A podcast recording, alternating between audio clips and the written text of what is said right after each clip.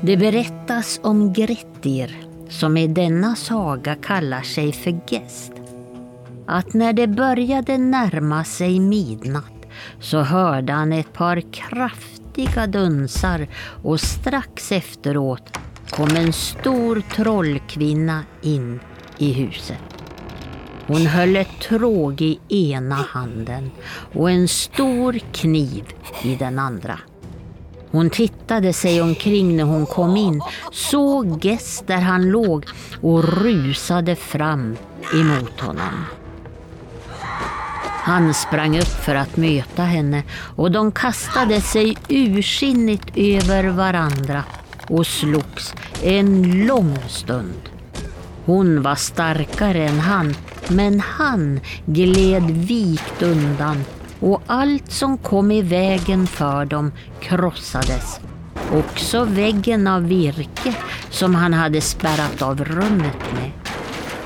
Hon släpade ut honom i farstun och mot ytterdörren där han tog spjärn emot karmen. Hon ville dra ut honom ur huset men lyckades inte förrän det brutit loss hela dörrposten som följde med ut hängande runt axlarna på dem. Sedan släpade hon iväg med honom ner mot ån och ända bort till kanten av en hög klippa. Gest var så fruktansvärt trött och måste nu uppbåda sina sista krafter. Annars skulle hon kasta ner honom i stupet. De kämpade hela natten och han kände att han aldrig tidigare slagits mot en så stark varelse. Hon tryckte honom så tätt in till sig att han inte kunde använda sina armar till något annat än att hålla henne om livet. När de kommit fram till kanten av klippan lyckades han med ett kraftigt ryck få henne att tappa fotfästet. I samma ögonblick fick han högra armen fri. Han grep tag i kortsvärdet som han hade vid bältet, drog det och högg trollkvinnan i axeln så att hennes högra arm gick av. Då, då slapp han helt fri och hon störtade ut för klippan och hamnade i forsen.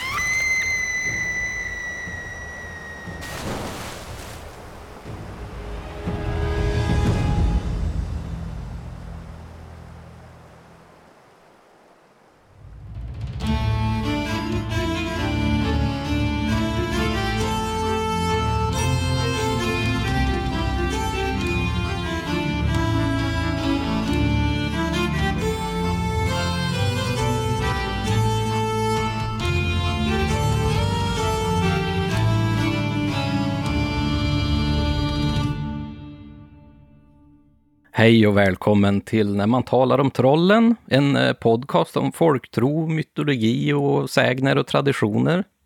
Och det är ju som vanligt med mig, Lars Wahlström ifrån Oknytt. Och så har jag ju här mitt emot mig har jag ju då Tommy Kosela som är doktor i religionshistoria. Och du Tommy, du är ju våran expert som eh, vanligt i det här programmet. Mm. Hej Tommy! Hej Lars! Nu är vi igång igen. Nu är vi igång igen. Och i det här avsnittet så kommer ju vi att prata just om trollen. Eh, när man podden När man talar om trollen kommer att eh, det här avsnittet prata om trollen.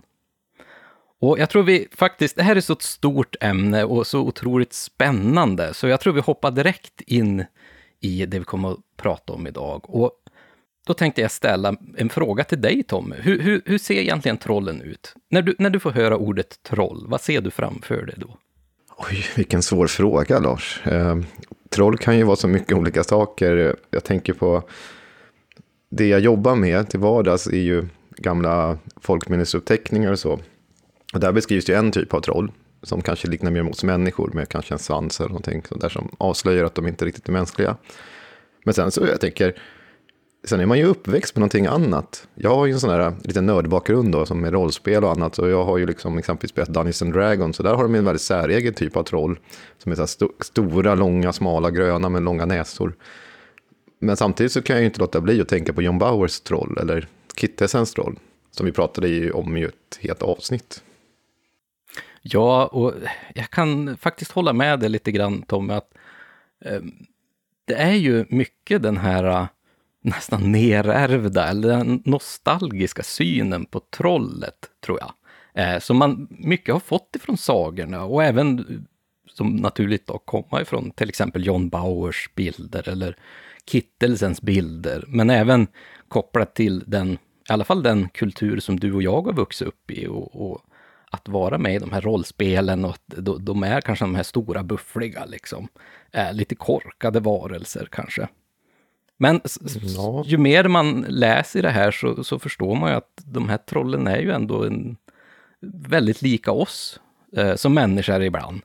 Men ändå är det ju den här, för mig i alla fall, så är det den här eh, gamla, nästan barndomsbilden av ett troll, att den är stor och bufflig och liksom stor näsa och långa öron och sådär. Jag tänker även på trollen som Peter, Peter Jackson gav oss i filmatiseringarna av Lord of the Rings och även mm. The Hobbit. Där är de ju som, ser ut som jättestora bebisar med eh, som skrikiga, buffliga eh, varelser. Kanske inte riktigt så jag hade tänkt mig innan jag såg Peter Jacksons eh, filmatiseringar.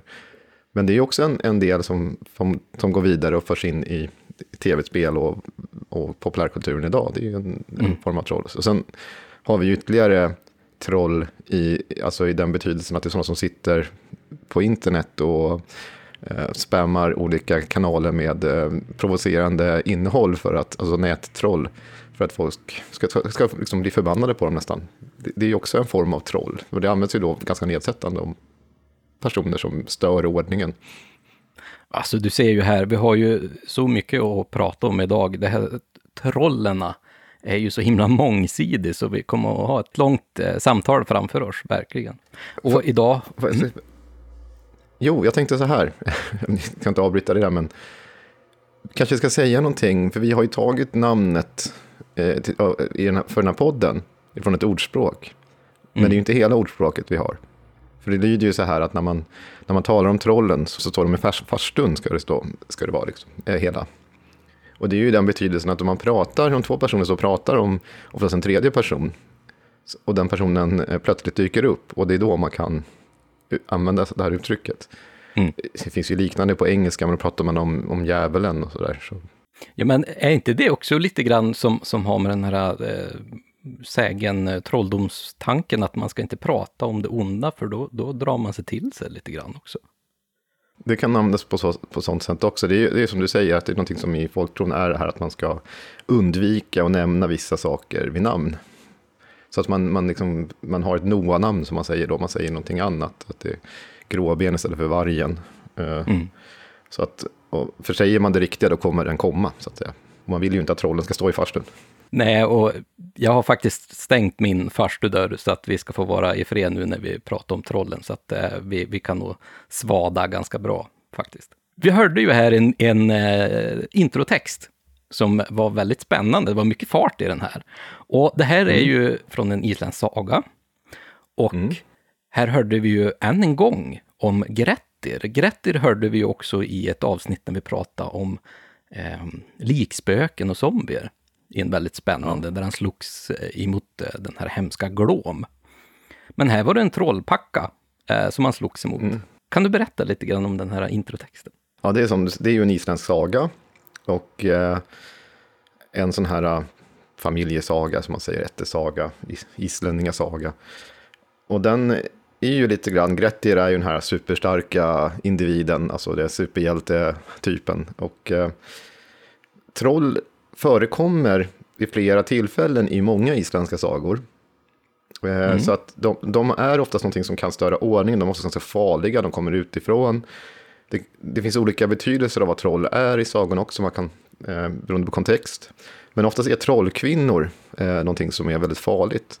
Och den här brottningsmatchen som, som är mer eller mindre beskrivs här, när de liksom kämpar där i, i, liksom i huset. Det är också påminner ju dels om episoden om Glom, som vi hörde förut när Gretti kämpar mot Glom. Det påminner också om en mycket äldre text, som inte är isländsk utan däremot fornengelsk, där Beowulf, eh, en superhjälte då från eh, fornengelskt håll, om man säger så, även om det utspelar sig till stor del här i Skandinavien, eh, kämpar mot en, ett vidunder som heter Grendel. Och Grendel har ju en del epitet som, alltså den här historien, jag vet inte om alla lyssnare känner till den, för det kanske inte är någonting man kväder i vardagsrummet till vardags nu, varje dag, åtminstone.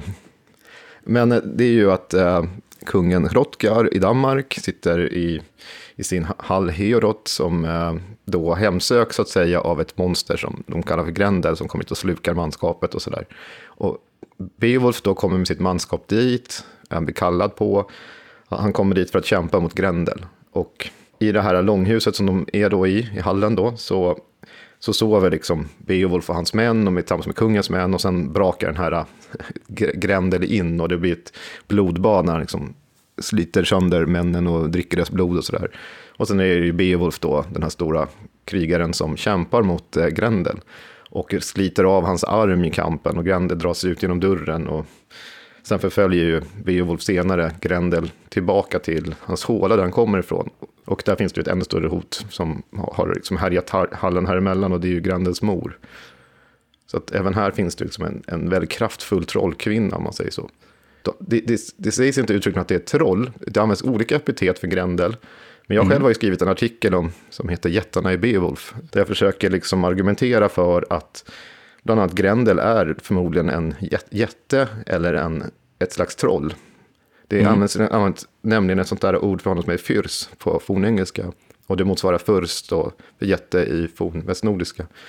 Och eh, jag tycker också sättet han beskrivs på påminner väldigt mycket om just hur troll brukar skildras. Så mm. att, nog är Grendel ett slags troll i alla fall. Ja, och är det någon som har sett den här kanske lite halvtaskiga filmatiseringen av äh, Beowulf som var animerad. Jag tror att de har gjort det i början på 2000-talet om jag minns rätt. Äh, så framställs mm. han ju som ett stort, märkligt, fult, liksom trollmänsklig varelse. Ja, medan Grendels mor blir någonting helt annat. Där framställs mm. hon som en sexig kvinna som spelas av Angelina Jolie. Mm. Så, som sen blir den här draken som han slåss emot. Eh, ja, men så är det väl inte i grundberättelsen. så nej, nej, nej. Jag, jag, jag, jag, tror vi lämnar den filmatiseringen. Men vi skulle ju kunna i alla fall prata lite grann om det här med vad betyder egentligen troll? Var kommer egentligen namnet troll ifrån? Det är ganska gammalt ja. som jag förstår. Det är väldigt gammalt och det är, ett kort svar är att ingen vet. Oj då. Men du är inte nöjd med det antar jag? nej, nej, verkligen inte. nej. nej, alltså nu, nu fuskar jag och slår upp i min doktorsavhandling här, för jag skriver ju bland annat om troll i den. Mm. Men där så hävdar då doktoranden då på den tiden, Gosla, att uh, det har en oklar etymologi. Men det har den ju, mm. alltså ordet trött är ju, har en oklar etymologi. Det finns olika förklaringar. En är då som en som heter Edward Shivers, med förare till ett germanskt ord som är trotla, som är alltså att roten då ska vara ett, ett verb som är att trudan, att trampa på någonting. Och då ska den enligt honom påminna lite grann om mar, maran. Det där okay. är ju bara en form. Eh, den kväver eller trampar sina offer till döds. En annan ordbok, och Falk och Torp, härleder till ett annat germanskt ord som är trutsla, från en rot som då ska betyda att svaja, har raglande gång eller ett, ett dialektord som betyder fara våldsamt och larmande fram. Så mm. att, och det här är ett par, så finns det andra varianter som är att det kan ha att göra med att det har att ett annat verb som är att rulla, då, fast rekonstruerad och germansk form. Så att det, det, är väldigt osäkert, det finns an, andra förklaringar eh, till detta ord också. En som har förespråkat att det kan komma till ett medelhögtyskt ord som är trylle, som är då en slags hora eller trollkar eller sköka. Men det, det, är lite, det är lite svårt, det är ett väldigt problematiskt ord. Jag håller på att skriva om det ett par sidor i den här. Men det är alltså, det, man vet inte riktigt exakt var ordet kommer ifrån, vad, det, vad ordet i sig betyder ursprungligen. Däremot finns det som jag sa nu flera teorier. Mm. Men det här med att rulla, det har då satts i sam, samband med att trollen ska rulla fram och det tänker man sig att det är för att Tor jagar dem och sådär med sin åska. Men det är också bara en tanke. Sen har vi ju det här med, med, med trolldom. Trolldom är ju också Mm. e- ett begrepp som man använder. Är det besläktat med just ordet troll? Eller är det Ja, tvärtom? det finns ju i trollkarl och sånt där också. Så Mm. att allt det här hör ihop och det kommer från det här ordet. Som, men det är ju någonting som bryter det normala som är övernaturligt, ska vi kunna säga. Så finns det också beskrivet i de här sagalitteraturen personer som kan kallas för halvtroll. Och det menar att de har typ, de är ättlingar till ett troll och en människa, alltså den unionen. Och en del som är bländingar, som är alltså bland, blandningar också av troll och människa. På gott och ont. Att de kan ha en del drag som gör dem. Men jag vet inte, det, om man går tillbaka till de här mytologiska texterna, eh, fornnordiska, så finns i Edda-diktning som man brukar gå till, eh, så berättas det bara, förekommer troll bara vid två tillfällen, alltså ordet. Jaha. Och det kanske man inte tänkte sig. Nej. Men det första är, är Völvans spådom, eller Völuspa, och där berättas om en uråldrig kvinna, en slags jät, jättinna som sitter i Trollhamn i järnskogen. Och där föder de fram alla världens vargar. Så det är ju, det är ju den, ganska, det är en ganska häftig beskrivning egentligen. Ja, Och den andra är i en, ett prosaavsnitt, alltså berättande del, i en annan en hjältedikt som är Helga Kvida Jörvardsson. Och eh, där berättas det om en vargburen trollkona som har ormar som tömmar. Och det, den påminner ju om en jättinna som heter Hyrrokin på sätt och vis. Som också rider på en varg med eh, ormar som tömmar. Och sen finns det ju troll eh, ganska rejält beskrivna i, i sagalitteraturen som vi var inne på. Ja, men om vi pratar här om mytologin och sagalitteraturen naturligtvis. Du nämnde också att när vi pratade lite grann om, om jättar, att om jag förstått det rätt så, så kan trollen vara nästan synonyma med jättarna i de äldre texterna. Mm, så tolkar jag det och eh, många med mig. Och det är lite så, även längre fram i tid så kan jätte och troll ibland vara utbytbara. Så att eh, vi har exempelvis med eh, jättekast, ibland är det troll som gör samma saker. Eh, kyrkor, kyrkor som byggs kan det vara både ett troll eller en jätte som kommer och, och uppför kyrkan. Så att det, det, det verkar vara lite grann så att troll kan vara en... Alltså jätte får man också tänka sig i fornnordisk kontext. att Det behöver inte vara den här typ proportionsmässigt eh, jättelika figuren. Alltså den kan ju också vara i storleksordning som gudarna eller en människa. Så att, och det är precis som trollen också kan uppenbara sig. Så jag tror man ska se troll som ett övernaturligt väsen som är från den andra världen, alltså någonting, någonting annat än människa. Så att den kan nog, precis som man också i senare tid kan använda troll lite för olika typer av väsen. Samtidigt som man kan använda troll för specifik form av väsen. Så att den är lite sådär glidande. Man kan prata om spökerier, men då menar man egentligen att det är väsen som är på en plats. Man kan prata om att det är troll där och då liksom, det kan användas som, o- som en synonym till oknytt då, exempelvis. Alltså det är så här, på samma sätt använder man troll. Eller skrömt eller något sånt där skrömta. När vi pratar mycket om troll eh, idag, i alla fall när vi kommer in på, på modernare folktro och sägner, så, så kommer vi väl kanske att hålla oss mest till de svenska sägnerna. Och, eh, men hur ser det ut i, i övriga Skandinavien, i Norge och Danmark? Där har man väl också en hel del troll? Ja, vi har mycket troll i, i Skandinavien, inklusive Island. Eh, och även i Finland, eh, inte minst i svenskbygderna där. Men det finns ju liksom belagt tillbaka. Nu började vi prata lite grann om de medeltida texterna här, eh, alltså fornnordiska texterna helt enkelt.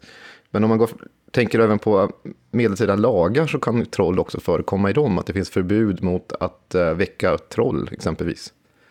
Och här är det ju också att det är utöva trolldom, alltså väcka liksom. Det kan användas som synonym med jävlar och sånt om det, ur ett kyrkligt perspektiv. Så troll blir liksom en del av, av jävlar och annat, alltså ondas eh, anhang typ.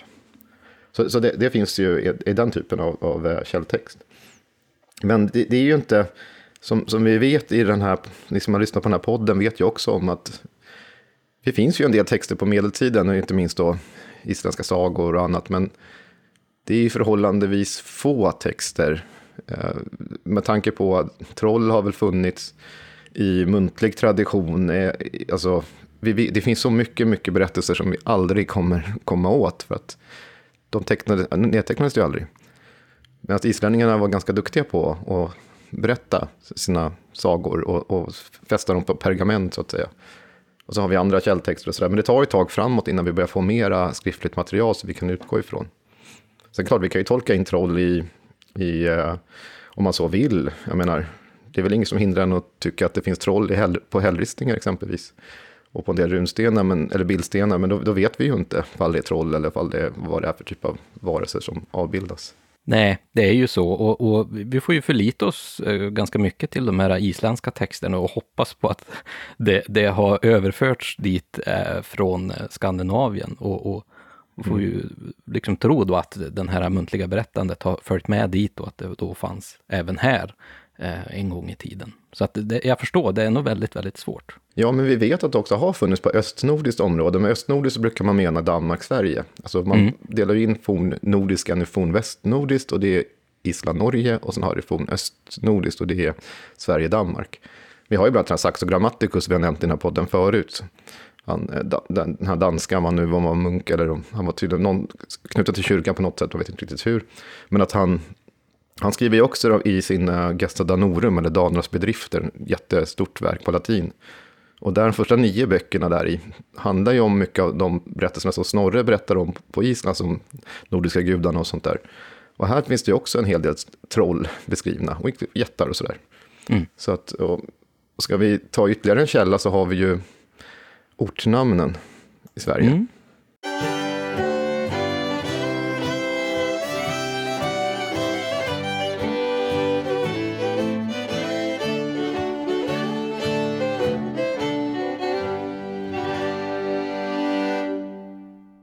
Det finns ju, nu är vi inte tillbaka så långt tillbaka, men vi har ju ett väldigt, väldigt känt ortsnamn i Sverige som har med troll att göra. Och det är ju Trollhättan. Mm. Och det namnet är belagt sedan 1413 i alla fall. Så det är ganska gammalt. Det är en kvarn då som heter Trollhätta kvarn som man har från eh, 1413. Och det finns ju andra, alltså Trollberg och sånt där, jag vet inte om de är riktigt lika gamla. Jag vet på min arbetsplats då finns det ju ett arkiv som sysslar just med ett namnarkiv. Och där, för några år sedan så hade jag en kollega, en, var vi ute och pratade om troll.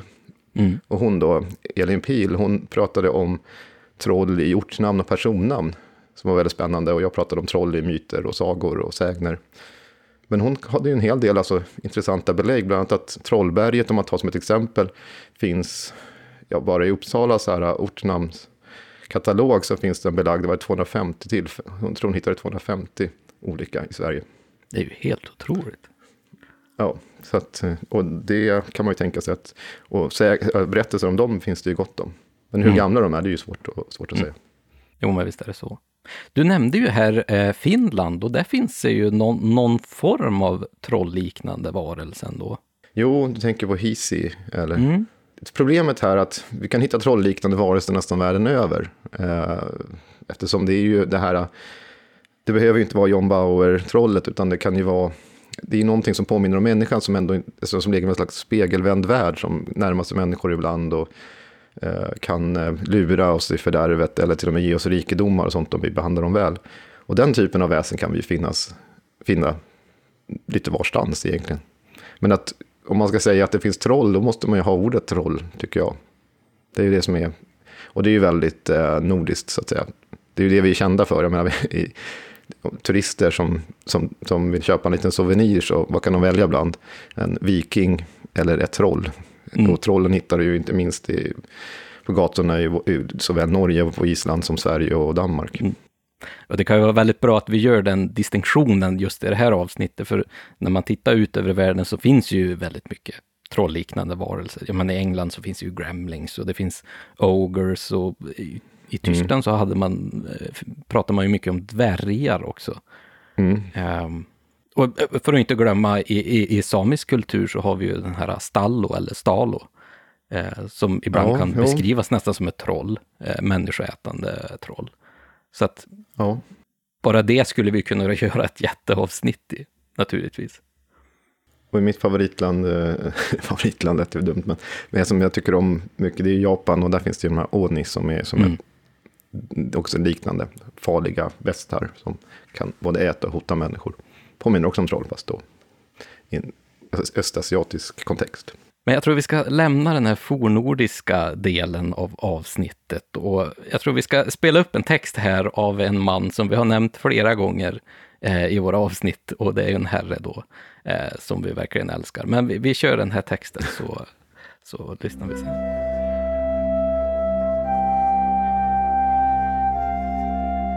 Då det faller trollen in, då uppenbarar de sig för arbetarna i skugglika skepnader av alla möjliga former, varjämte de med skallande stämmor uppger jäckande gapskratt. Och med ett sådant bedrägligt bländverk och annat gyckelspel utan all ända så lurar de de stackars människorna. Ja, all denna tjänstaktighet, det är blott bedrägeri. Var med dem, när allt kommer omkring, bara vill bereda människorna ofärd och omsider människornas undergång. Ja du Tommy, här hade vi ju en text av våran käre Olaus Magnus eh, om just bergstroll. Den var ju lite kul. När är den här texten ifrån förresten? Ja, det är 1500-tal. Eh, som vi har sagt förut så är, är ju Olaus Magnus en ärkebiskop, en katolsk sådan som genom med att vi öv, eller man övergick till luthersk tro i Sverige så blev han landsflyktig och satt och, landsflykting och satt sen och skrev ner sin historia om det nordiska folken i, i Rom, från Rom. Men här i finns det ju ganska mycket eh, sånt som skulle kunna kallas för folktro från den här tiden. Och här beskriver han ju hur trollen då, som man, man får nog se det som en slags jävlar från hans perspektiv, lurar människorna och liksom är någonting ondskefullt som vi ska akta oss för. Uh, ja. han, han hjälper att de hjälper människorna i gruvorna, men att, de, att det inte sker särskilt, med någon särskilt god avsikt i alla fall. Mm. Det, det, påminner ju lite grann om, om senare tids eh, gruvrå. Men det är klart, trollen används ju på lite olika sätt och de här eh, väsenegenskaperna flyttas ju lite fram och tillbaka mellan våra väsen. Ja, och sen får man ju se att gruvrået, som vi kanske ska göra ett kommande avsnitt om, ändå är mer eller mindre positiv för de som respekterar henne. För det är ju en hon. Här är det ju enligt Olaus Magnus sätt att se det, det är ju bara bedrägeri, att de, kommer, de vill egentligen förleda människorna och nästan orsaka undergång. Så man kan ju tänka sig att det här blir motsatsen, att de, motsatta effekten, att de orsakar nästan gruvras och sånt där. Ja, det är, det är ju, man märker ju här att de är, eh, är ju ganska glada över också, där de gapskrattar som galningar i, här i gruvan. Men här under medeltid, hur såg man på trollen då? Ja, vi har ju varit inne på medeltid nu. Det finns ju också en del folkvisor, kanske vi ska nämna, som också nämner troll. Mm. Som är ju en del tänks gå tillbaka till medeltiden. Så trollen har ju funnits där, men det är återigen någonting som finns utanför människan, någonting som befolkar världen runt om oss. Eh, som kan störa ordningen. De har olika former eh, beroende på berättartraditioner, alltså vad man, genrer som vi skulle säga i forskningen då, eh, hur man berättar om dem. Men det är, från kyrkligt perspektiv, som vi har mycket, en del av från medeltiden, så är de ju i regel fortfarande likställda med djävulen och någonting farligt. Eh, alltså människa, som förleder människan, precis som Olaus Magnus säger här. Men från, det är svårt att veta vad allmogen eller vanligt folk tänkte om troll för det finns inte så jättemycket källor om det. Man får väl tänka sig att det kanske har, att det är någonting farligt som finns där utanför, men jag vet inte om, vi, om man ska dra för mycket paralleller med senare yngre folktro så kan, de säkert, kan man säkert ladda troll med lite allt möjligt. Nej, men de står väl kanske för det här lite mera eh, osedda, det man inte kan beskriva, saker som händer som man, man vill ha ett svar på. Då skyller man just på, på trollen som finns där ute. Eh, det är de mm. som har gjort det.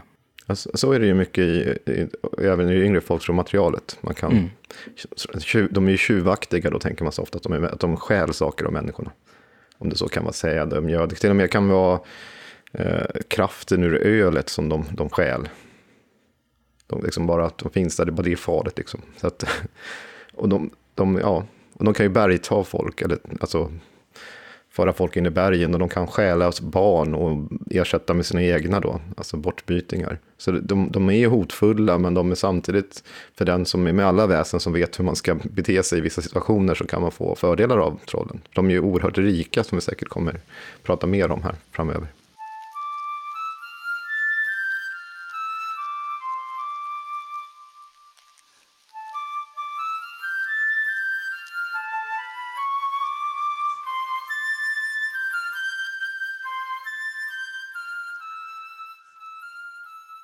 Men hörde du Tommy, hur ser det egentligen ut? Är det forskat eh, mycket om trollen? Trollen eh, finns ju så mycket i våra sägner och berättelser, men hur ser det ut i, i, inom forskningen?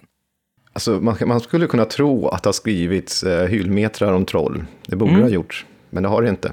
Det, har, det finns inte särskilt mycket, inte så många monografier som särskilt handlar om troll. Det, en ganska tidig text, eller studie som gjordes var en som heter Elisabeth Hartman från 1936 som är på tyska, men i översättningen skulle den bli eh, trollföreställningar i sägen och eh, sagor hos de skandinaviska folken.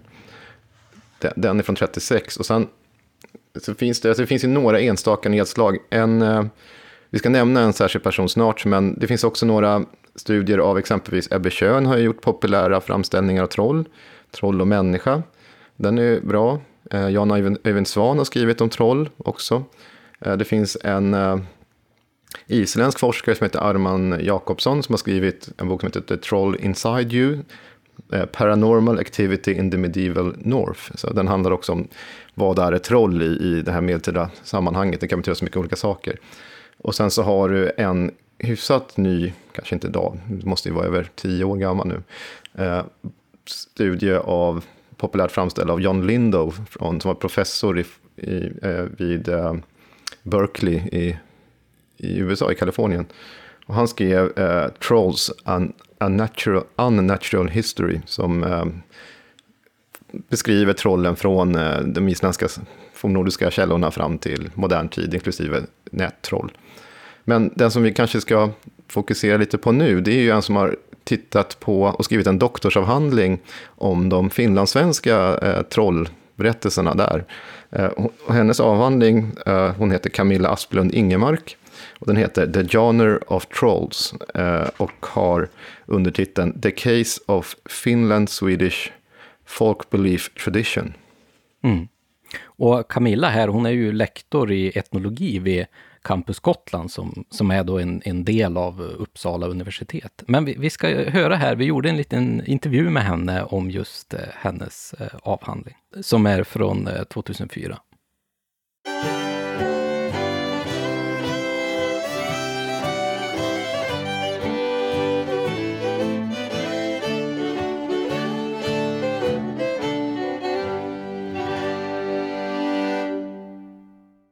Det finns ju förvånansvärt lite skrivet om just trollen, i alla fall inom forskningen. Och du är ju faktiskt en av de få som har skrivit en avhandling om just troll. Och den här då som heter The Genre of Trolls är ju en ganska intressant titel tycker jag. För att sägner och sagor om troll är ju oftast ganska väsensskilda, hur trollen uppfattas. Men samtidigt så finns ju lite stoff av varandra där då. Men det är ju oftast ganska mer komplicerat än så. Och jag tänkte att du kanske skulle kunna berätta lite grann om den här avhandlingen som du, du skrev då 2005. Ja, jag skulle kanske börja med att berätta att egentligen så skulle jag inte alls skriva om troll, utan skulle skriva om metamorfoser. Jaha. Men det råkar sig så att eh, min handledare Ulrika Wolf Knutsson har skrivit om djävulen.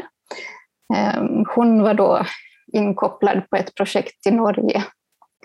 Hon var tvungen att tacka nej till det och då frågade hon, kan inte du ta de här trollen istället för mig? Så mm. tänkte jag, ja varför inte? så det gjorde jag. Och eh, eh, till att börja med så var det meningen att det skulle handla om genre. Och det är en, har varit en stor genrediskussion inom folkloristiken som då är mitt ämne som jag tyckte var väldigt komplicerad och den ville jag inte riktigt påta i alls. Så jag försökte byta spår där och sen så slutade det förstås med att boken heter The Genre of Trolls i alla fall. Då. Men eh, det här är då den rent konkreta bakgrunden. Men eh, det jag har försökt titta på då, som också bygger på det spår som eh, Ulrika Wolf Knuts då har plöjt, kan man väl säga. Hon tittar också på hur eh, diskurser om troll uttrycks dels inom eh, eh folktron men också i religiösa texter. Och mm. Hur de här förhåller sig till varandra. Och jag har också försökt göra lite samma sak men med troll då. Och se hur bibliska berättelser framförallt då har påverkat berättelser om troll, åtminstone vilka likheter som finns mellan dem. Det är kanske är lite svårt att säga att det ena så eh, kommer från det andra, men att det ändå finns likheter där som är intressanta. Det är en väldigt intressant synvinkel det där, för att många av de trollsägner som vi har, har ju oftast en kristna motiv, att det finns kristna motiv i berättandet. Att man ska förhålla sig till trollen på ett visst sätt och då oftast kanske med eh, kristna motiv eller kristna medel i och med att man eh, säger Guds ord eller att man ska göra kors eller liknande. Och kan det vara då så att det kristna eh, inflytandet har skapat egna genrer? Det är väldigt svårt att veta hur det hade sett ut om det inte fanns något kristet inflytande alls, för det vet vi inte så mycket om egentligen. Mm, men jag har väl svårt att tänka mig att de kristna inslagen inte på något sätt har omformat det som har funnits förut. Det måste ändå på något sätt ha påverkat, tänker jag. Även om det kanske är svårt att säga exakt hur så här i efterhand. Hur har du sett nu när du har eh, gått igenom det här källmaterialet och eh, hur har liksom de kristna motiven framställts i berättelserna och de olika sägnerna?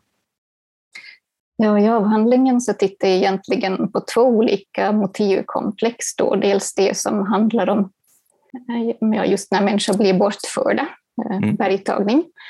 Och, eh, och, som en pendang till det också när man ska försöka få tillbaka dem. Då skickar man prästen i allmänhet för att försöka få ut dem. Eller på något sätt så är kyrkan involverad i det där.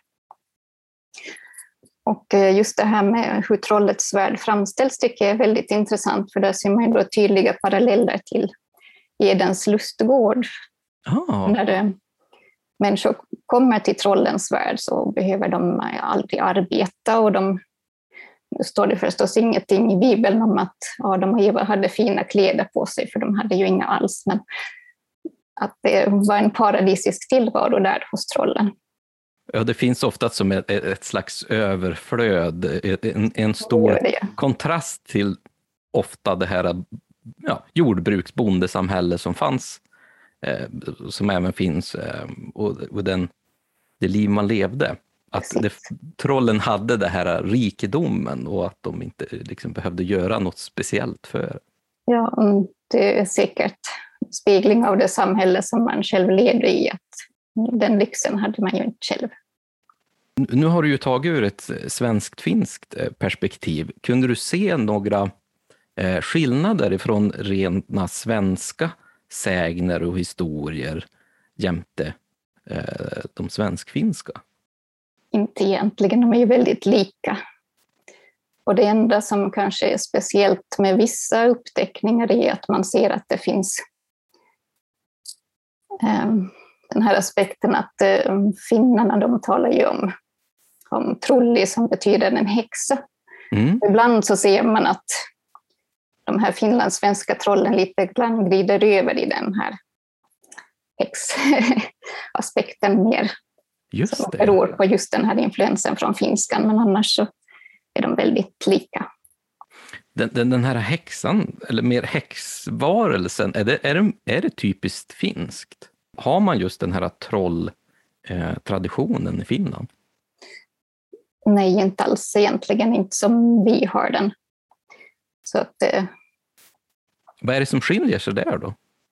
Det är väl mest det att eh, den typen av segner som man annars hade berättat om häxor också berättas om troll i de här fallen. Mm. Att det är helt att man sätter lite olika namn på de här varelserna. Just det. Och det ser man ju rent allmänt också, att det är ganska lätt att byta ut de här benämningarna, så i samma uppteckning så kan man tala om troll och kanske underbyggare och rå och allting helt blandat. Så just det där namnet är inte alltid så viktigt. Vad såg du för utmaningar när du gick in i den här eh, avhandlingen egentligen? Det, det, är ju inte jättelätt kanske att eh, gå in med den, med den vinkeln. Ja, först så var jag rädd att jag inte skulle hitta någonting alls. Eh, särskilt det här med hur, hur det, det kristna då har påverkat. Men, eh, och kanske också att det skulle bli övermäktigt om jag hade försökt undersöka fler än de här två olika motivkomplexen. Så där tror jag det var viktigt att avgränsa sig också till de här. Och nu är de kanske lite övertydliga på sitt sätt också. Men men det var mycket lättare att bena ut genom att begränsa sig lite så att man inte försöker vara överallt på samma gång. Mm. Men uppenbarligen så hittade du ju faktiskt eh, material som du kunde jobba med. Eh, var det något specifikt ur eh, materialet som du, du fastnade speciellt vid? Mm. Det roliga är ju att nu har jag ju dels text som handlar om trolltraditioner allmänt i Svenskfinland, men så är det också delar som fokuserar på Böråsocken som jag nämnde här förut. Och det, min farmor råkar vara född där, så det är väl lite extra roligt. Jaha, det var kul. Och det är alltid roligt när man har hyfsat lokal anknytning till de här, för då blir det liksom lite extra spännande och då vill man ju oftast gärna grotta lite mer i, i just den berättelsen. Ja, nu rymdes det inte med i avhandlingen eftersom det inte handlar om troll, men eh, farmors pappa så han bodde eh, på en, det kallas ju berg där i Österbotten fastän de inte är särskilt höga. Mm. eh, och det hette Baggberget och jag var mycket där som barn. Mm. Och där bodde inte ett troll utan det var något annat övernaturligt väsen, men det var ju också lite roligt att där man själv har gått så. Mm fanns det här och det var jag förstås inte medveten om då. Det är väldigt intressant att upptäcka i efterhand. Ja, det blir så när man, när man får grotta ner sig och undersöka på det här sättet. Det, det är ju klart. Det är ju så här att eh, internationellt så är ju trollen kanske ett av, om man skulle kunna säga att vi har exporterat ett bra väsen ifrån från Skandinavien, så då är det ju kanske trollen. Mm. Eh, som, som finns i mängder av sagor, finns i överallt i populärkulturen. Vad är det egentligen hos trollen som, och deras berättelser som du tror fascinerar oss så mycket? Ja, det är en bra fråga. Ehm, det svåra är väl att sätta fingret på vad det är som skiljer just dem från alla de andra. Mm. mm.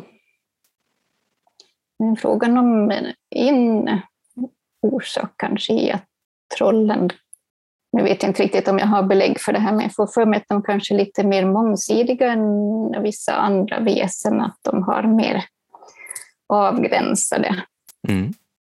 Eh, funktioner kanske och också mer begränsade typer av berättelser som kan berättas om dem. Och trollen, de är lite överallt. Ja, men det kan jag absolut tänka mig. Och sen att de framställs ju också på olika sätt om det är den här, de här mer klassiska folktraditionerna jämfört med sagornas troll som är helt väsensskilda på ett sätt att de, de ser annorlunda ut och de beter sig annorlunda. Eh, och att de blir väldigt mångsidiga då och kunna använda i, i fortsatt berättande och kanske även kan lyftas in i andra kulturer på ett sätt som är lite speciellt. Ja, det kan nog stämma. De är användbara till mycket. De är ju verkligen det. Ja. Och många gånger så kan de ju kanske vara en, en spegling av oss själva också naturligtvis. Ja, absolut. Det är väl ofta det man har använt dem till också, att spegla sig själv i, även om det kanske ibland är lite förvrängt då, men att, att man också ser det mänskliga hos dem. Mm. Ja, men Alltså, jag får tacka dig så hemskt mycket Camilla. Det var jättetrevligt att du kunde vara med. Ja, tack själv.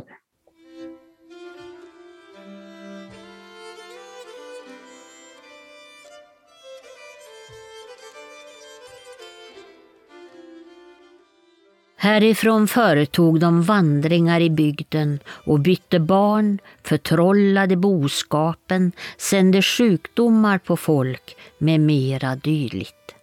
En gammal gumma intygade alldeles säkert att det fanns troll i Lidaberget för hon hade mitt i natten sett hur två fint klädda fruntimmer i kanter av berget som satt och eldade.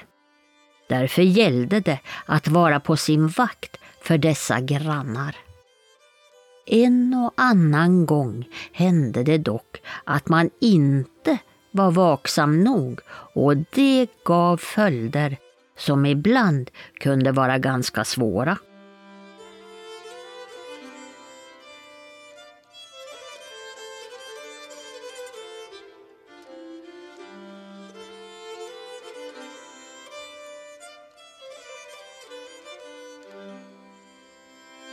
Det här var ju en ganska bra övergång till eh, vad vi skulle kunna säga är folktro om just trollen. Det, vi går ju in här i 1900-talet och det, den här berättelsen var ju från Värmland och det är en tidningsartikel om just det här Lidaberget där det sades finnas troll. Och här var det ju, sa de ju ganska bra saker, ungefär som du har, ha sagt tidigare här, att man ska vara försiktig med trollen för att man kunde bli bergtagen eller att de sände sjukdomar eller att de bytte ut barn mot sina egna och, och så vidare. Så att man ska kanske inte alltid lita på trollen ibland, utan eh, de kan vara ganska eh, tjuvaktiga och, och vara lite eh, bedrägliga. Liksom. Absolut, och nu, nu den här tidningsartikeln från 1905 man får tänka sig att de här berättelserna då är från 1800-talet. Man gjorde ju ofta så att man tog gamla personer som mindes eh, saker från, tidigare, från, från sitt liv tidigare, så att säga. Man ville komma så långt tillbaka som möjligt. En del av de här uppteckningarna som är nedtecknade på 1800-talet, det är lite svindlande att tänka på, men de kan en del hågkomster ju faktiskt till och med vara från slutet av 1700-talet. För om du har en 80-årig gubbe som berättar någonting, eller gumma, 1870 så kan ju naturligtvis de minnas saker som de har hört när de var barn. Så bara, bara en sån sak är, tycker jag är spännande. Men visst, här har vi mycket av de här eh, delarna som ingår i, i trollföreställningarna. Men vi har ju, jag tänker, när vi ändå säger någonting om 1700-talet, det finns ett par personer som har skrivit om troll redan då. Bevar det. Alltså, det finns ju flera olika samlingar av eh, berättelser. Men det finns en person som jag tänker på specifikt. Vi kommer prata lite mer om honom sen i samband med särskilt sägentyp. Men det är Carl von Linné. Och det måste jag ju mm. nämna extra eftersom jag är från Uppsala. Ja, exakt. Och hans plats. Men han har ju gjort sådana olika resor i Sverige där han skriver, eh, beskriver liksom landskapen och vad han ser och sådär. Eh, men i flera av dessa så, så förekommer det ju en del berättelser. Och han tillhör den här, alltså den framväxande naturvetenskapen, ska man kunna säga, då, som har så här, mer en, som de tycker en rationell syn på tillvaron och vill liksom dela in den i olika ja, beståndsdelar och analysera den och sådär. Så, men där beskriver han ju faktiskt ett par tillfällen olika väsen, och inklusive har han då i sin Skåneresa eh, upptecknat en sägen som handlar om Ljungby, horn och pipa. Vi ska, vi, ska höra, vi ska prata mer om det lite längre fram, tänkte vi. Mm. Men mm. det är intressant att veta redan Carl von Linné pratar om detta. Så finns det en annan bok som jag läste i samband när jag skrev min doktorsavhandling som jag var väldigt eh, intresserad av, kanske jag ska säga då, förtjust i, ja det kan man väl säga också. Det är en som heter Jakob Fredrik Neikter som på 1790-talet skrev några små avhandlingar som gavs ut för bara några år sedan, alltså i översättning då, de svenska nog på latin. Och det här är, den är, på svenska skulle det bli Om fornfolket troll, heter den här sviten. Mm. Och han tillhör en grupp som eller ett tänkesätt på den här tiden om, som hela tiden ville dra tillbaka eh, de här berättelserna som finns, bland annat om troll, till via fornnordiska källor och argumentera för att det var ett riktigt eh, alltså, folkslag som har trängts undan och sådär. Och ja, han satte ett likhetstecken mellan samer och troll. Mm. Och han var inte ensam på den här tiden att göra den här kopplingen. Och troll har ibland använts på det här sättet, att man har eh, beskyllt andra folkgrupper för att vara troll. Alltså att de har romer är någonting annat som, som ibland då, i en del sägner kan man också se att det finns en liksom, sammanblandning där. Att det är liksom väldigt negativ sådan. Jo, men det ser man ju ofta i de här texterna, att, att när man pratar om de här trollkunniga till exempel, som oftast kanske var en Mm. finne eller en, en, en, en same, liksom kan, kan benämnas som ett troll, bara för att de i deras syn var, var trollkunnig och var utifrån själva bygden som de bodde i. Det var någon utifrån. Mm, ja, precis, och det är, trollen är perfekta här att använda sig av i ett sånt sammanhang. Men det finns ju, och det var så man gjorde, man försökte argumentera på det sättet på den här tiden. Eh, det är ju klart inte hållbart idag såklart, men man försöker liksom hitta de här historiska kopplingarna till trollen och olika folkgrupper och hur man rört sig och sådär. Men det är intressant att se ur ett idéhistoriskt perspektiv på den här tiden. Så, och det finns ju också flera som beskriver korta, det finns en sån här samling med sägner och sådär som heter Sumlen, där det också finns eh, lite grann om troll. Det finns en del rättegångsprotokoll från den här tiden som benämner sånt som har med bergtagning och sånt där att göra. Eh, så, att, så kan man ju indirekt säga att trollen berörs även här, att trollen kan ha varit inblandade. Så att det finns sporadiska uppgifter, men ska vi ha en rikare skörd så måste vi gå in i 1800-talet och då den här eh, insamlingen av folkminnen som, som tog fart då. Och sen blev som mest intensiv eh, ja, i början på 1900-talet kan man väl säga. Och det är det vi har i våra arkiv idag.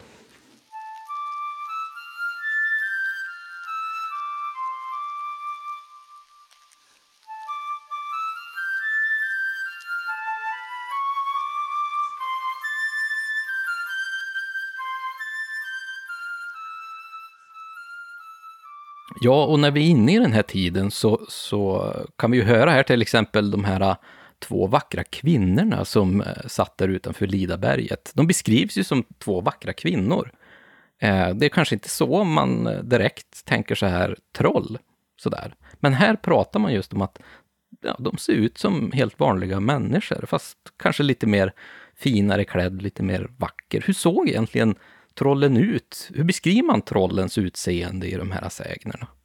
Troll, om man ska försöka beskriva ett troll, då, har, då måste man titta på vad är det för typ av berättelse som, som, som vi har att göra med.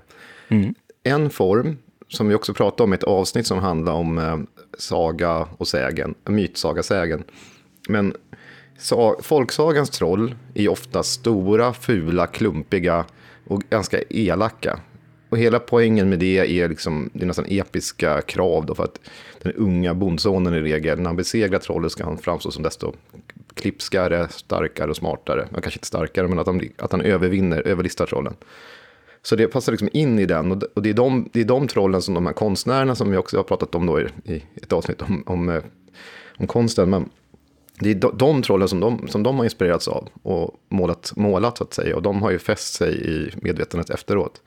Men sen har vi en annan, alltså trosutsagor och kanske folk säger sig ha sett troll och in, till en viss grad även sägnernas troll, även om det också är folkdiktning.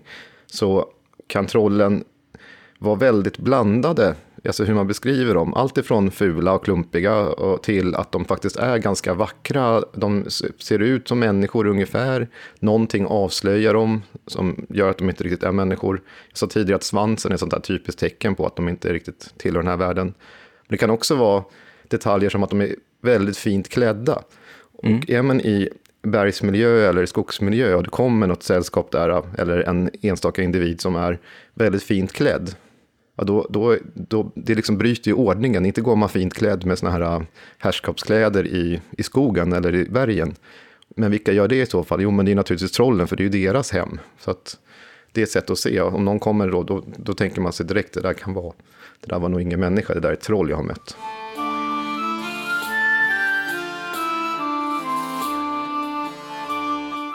En person i den här socken har sett att de är brunklädda.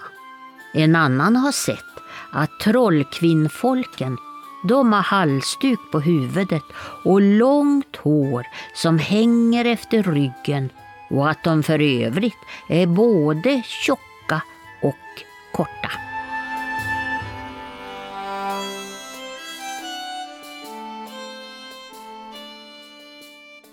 Ja, här hade vi ju en ganska beskrivande bild av eh, trollen ifrån Ovansjö i då Gästrikland. Och här, här beskrivs de som lite tjocka och korta istället.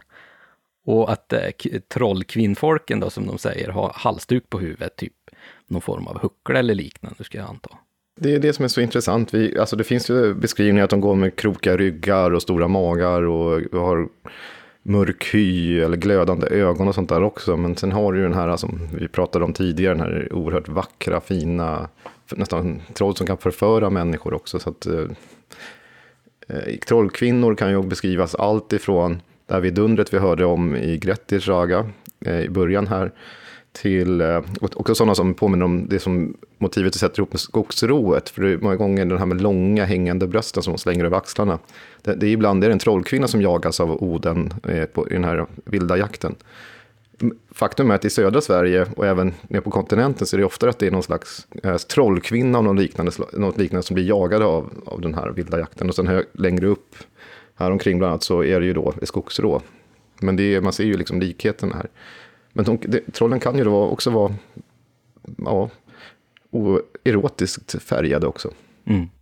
Kan det vara lite grann att just trollens utseende och i, stort våra olika väsens utseende i de här berättelserna är olika beroende på vilken typ av berättelse det handlar om också. Jag misstänker att hur det här väsenet eller trollet ser ut Eh, är viktigt för att kunna berätta den här berättelsen på ett visst specifikt sätt. Om det är en mer skräckfylld berättelse eller att det är en komisk berättelse eller att det är ett memorat som man upplevt själv, att det kanske är faktiskt en, en riktig människa som man har sett där ute, eller ser ut i alla fall som en riktig människa för att eh, det, det, det, skulle inte liksom vara den här stora fula eh, trollvarelsen, utan det, det, är lite mer för att berättelsen ska bära på något sätt.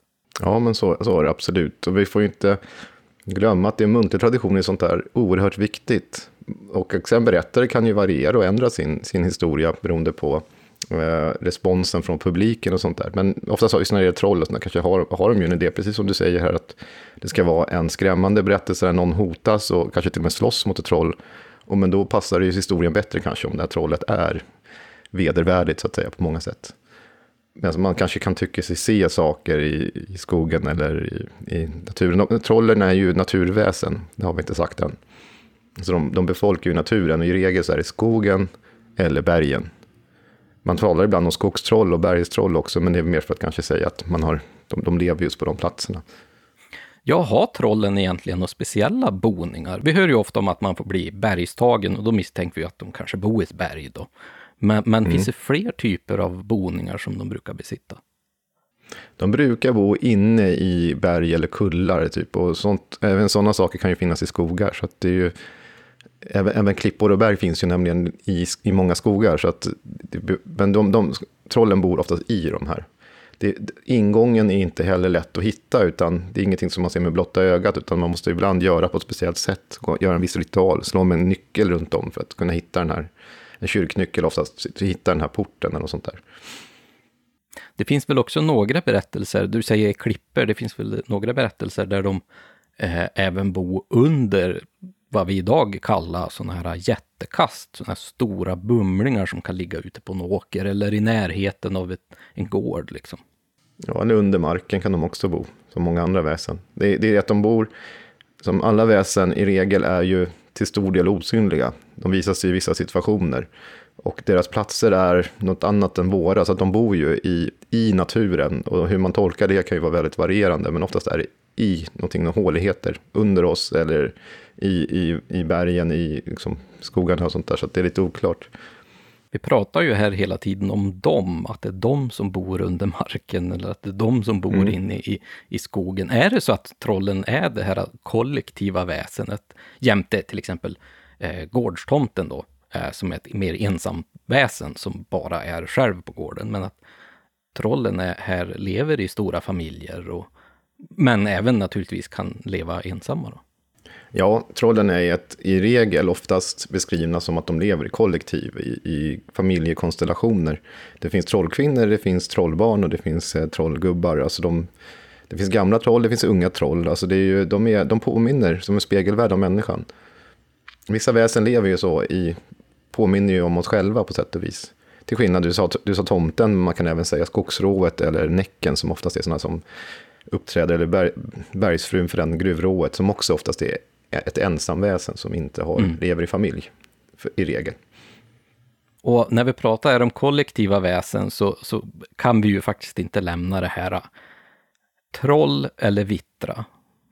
här uppe i Norrland har vi ju ett väsen eller ett väsenslag som vi brukar kalla vittra och vi har pratat om i tidigare avsnitt också. Och vi kommer att göra ett helt avsnitt om just vittra också, men det är väldigt ofta troll och vittra gå ihop lite grann i de här berättelserna. Jag vet bara här uppe så kan man nästan kalla eh, e-, ett, eh, en vittra för troll i nästan samma berättelse. Liksom. Jo, men det är lite grann så att troll kan användas på, så precis som vittra kan användas på olika typer av väsen, samtidigt som det kan vara ett specifikt typ av väsen, så det lite, kan bli lite rörigt.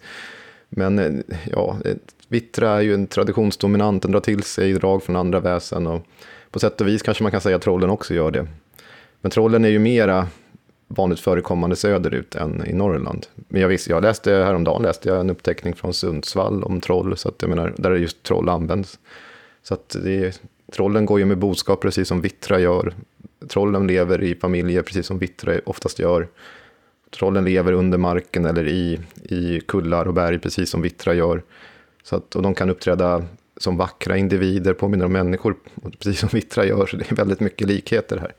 Och storleken kan också variera från väldigt små till väldigt stora till människostorlek.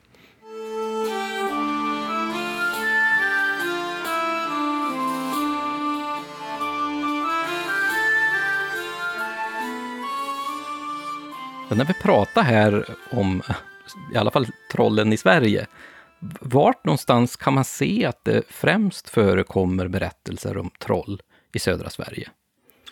Ett, ett, landskap som det finns, eller ja, det finns ganska mycket berättelser om troll från många håll i Sverige, alltså från ja, söder om Norrland i alla fall. Men Småland har ju väldigt mycket trollberättelser från olika orter och ganska mycket sägner om troll som finns bevarade i, i från Småland.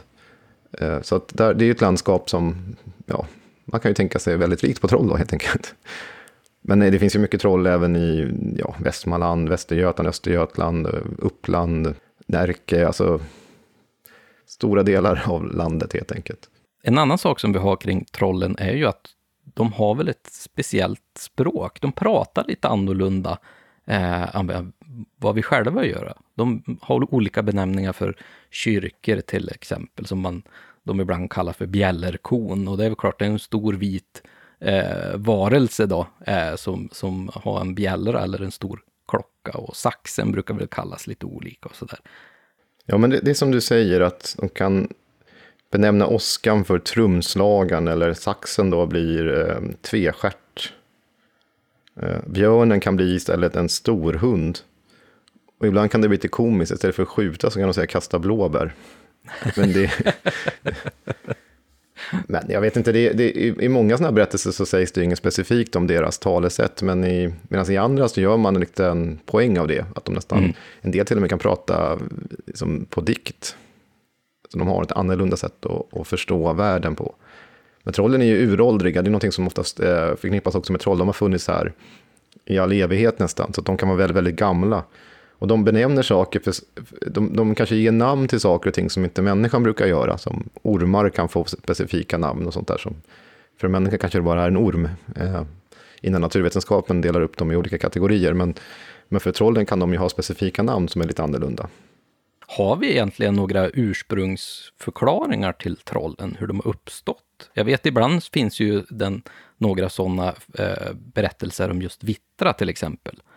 Jo, men det är, det är samma förklaringar som, som brukar ges till trollen. Eller bara att de har funnits i all evighet i princip. Men att eh, de har funnits här och trollen började försvinna från landet i och med att kristendomen etablerade sig. Det är en ganska vanlig förklaring. att mm. Precis som jättarna så klarar inte trollen av eh, Guds ord eller eh, kyrkklockorna. De avskyr kyrkan, eh, de avskyr kristendomen. Och de liksom lämnar landet och försvinner iväg. De tål, alltså de tål inte de kristna, ibland sägs att de kan lukta sig till kristet blod, de, de vet, alltså de tycker inte om kristna människor. Och det, det spär ju på det här mer att det har med en förkristen tid, att det är något hedniskt över trollen.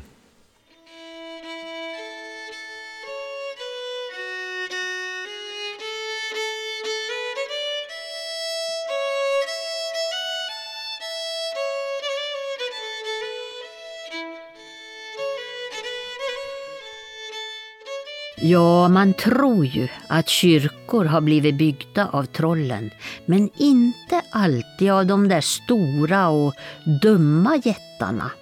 De har ju alltid blivit narrade av de klokare kristna människorna till slut, så som av Sankt Lars och flera andra.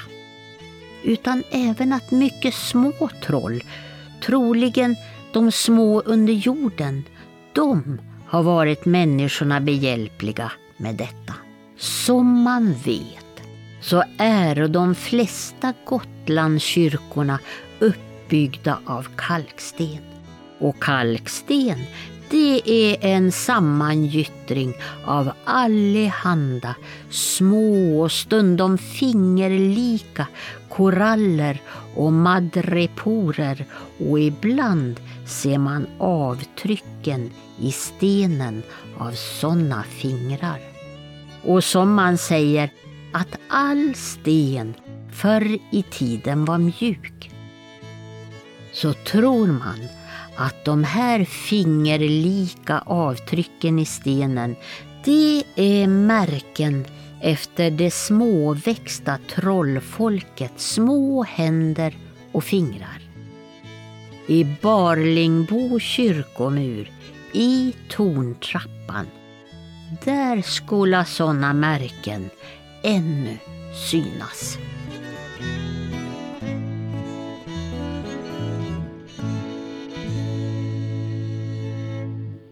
Ja, här har vi kanske ett tecken på att eh, trollen faktiskt är uråldriga och gamla och här hjälpte de ju då eh, till med att bygga de här kyrkorna. Varför de skulle göra det vet jag inte riktigt när de var så avvokt inställda till eh, kristendomen. Men eh, Sankt Lars här, han, han eh, verkar ju ganska smart. En, en, en klok eh, kristen människa enligt texten här. Det är klart du tycker om Lars. det förvånar mig inte. Ja, men här, är ju en klassisk eh, beskrivning, precis som, eh, som jättar. Alltså att de, det finns den här, att de, de hjälper till att bygga upp någonting de avskyr. Det gör ju jättarna också. Eh, ofta ska de ju ha en ganska eh, rik belöning som är nästan omöjlig att uppfylla, som sol och måne eller prästens ögon och ja, lite vad som helst som liksom man inte vill ge dem helt enkelt. Så att, men det, är, det, är en, det, det, finns ju gott om sådana här jättar eller troll som byggmästare. Och här har vi en sån, men det roliga med den här gotländska beskrivningen är ju att man pratar om eh, avtrycken i, i kalkstenarna här. Att man mm. kan se märkena efter deras fingrar. Och det är ju den här klassiska beskrivningen att när världen var ung eh, så var även bergen mjuka. Och det är ju precis som man kan se former från jättars rumpor eller där de har legat och sånt där, för att då var ju bergen mjukare. Och det är ungefär så man tänker så här också, att när trollen är såklart väldigt starka med att de liksom har, man har sett deras, deras äh, fingermärken där. Så jag tycker det är ganska kul. Ja, och jag vet inte om det var kanske uppenbart, men just den här äh, texten kommer ju då ifrån gotländska sägner. Men trollen kunde ju uppenbarligen här bygga kyrkor. Vad var de annars duktiga på att göra, som inte människan var särskilt duktig på att göra? Ganska mycket olika saker. De var ju liksom så mycket väsen är trolldomskunniga. De kunde brygga öl, de kunde baka bröd. Det finns ju mycket om trollens bak, alltså inte rumpor utan om bakverk, när de bakar i bergen. Uh, ja, men mycket, det finns mycket sådana här uh, hantverk och annat som de var väldigt uh, duktiga på. Sen beror det på vilken berättelse det är, men, men det här med ölbryggning är någonting som de verkligen gillade tydligen.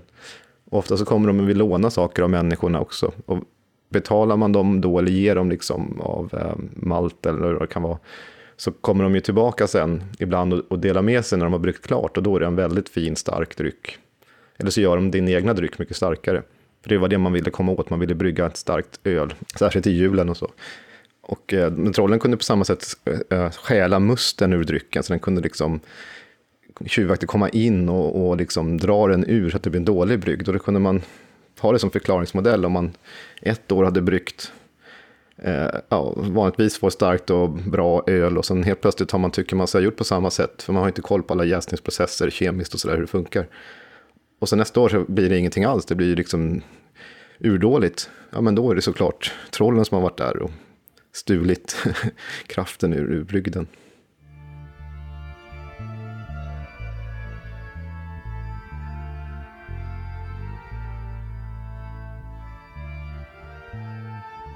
När man bryggde öl förr i tiden, då fick man vara aktsam så att inte trollen fördärvade hela brygden.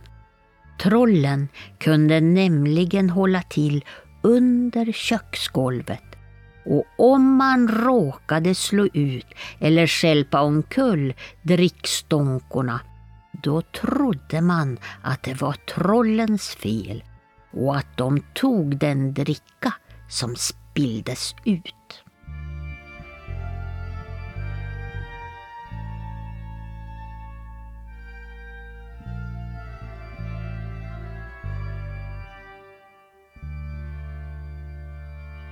Ja, ett klassiskt exempel här att brygga öl från Småland. Och som vanligt så är det ju bra tillfälle att skylla på eh, trollen här om man själv liksom lyckas eh, peta omkull de här ölstånkerna. Det är, det är ett bra tillfälle, om inte annat. Jag, ty jag tycker alltid vi ska skylla på trollen när det går illa. Med ölen? ja, det är, det är ett jättebra sätt.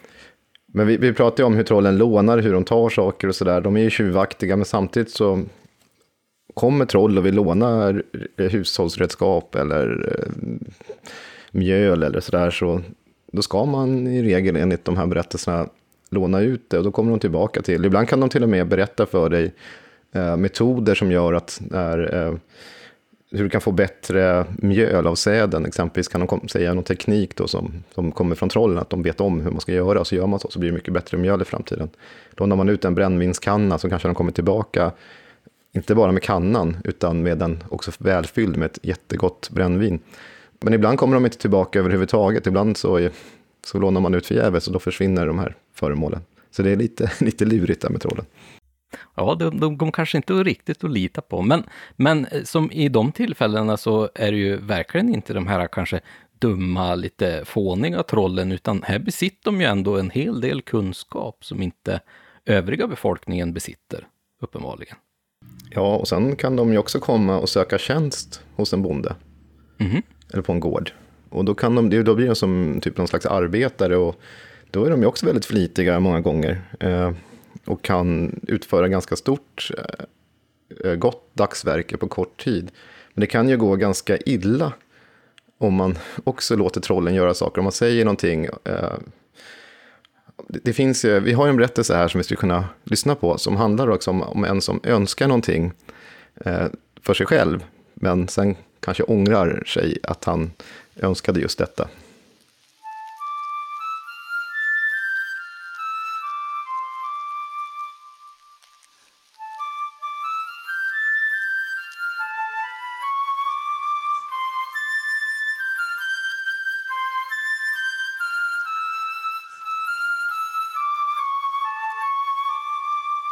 För många år sedan fanns det en bonde i Fur som hade ett vackert sädesfält.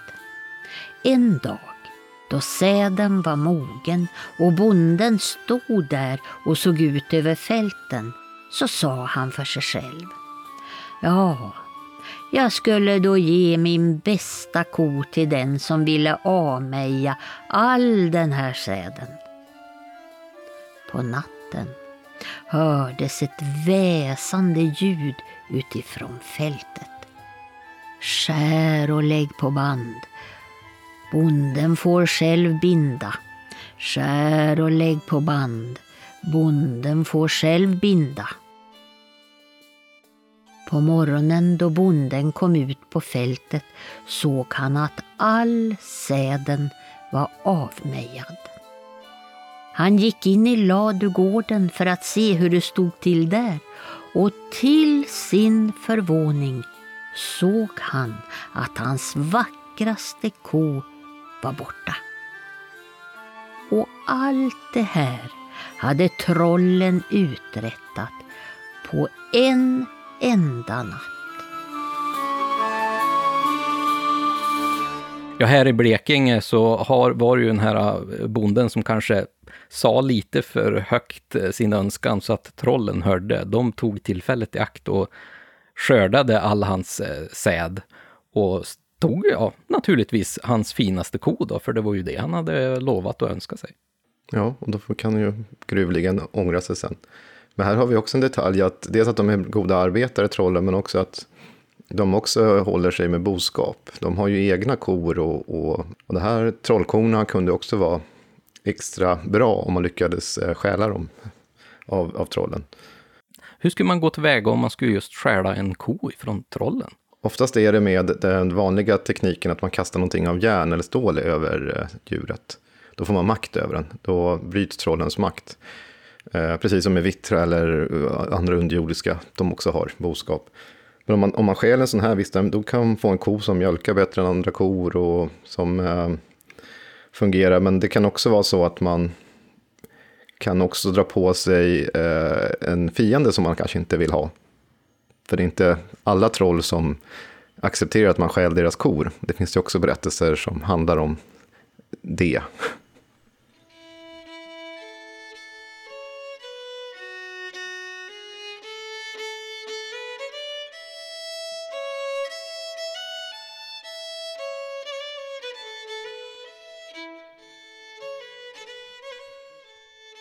På Valleberg, där hade de en stor hund.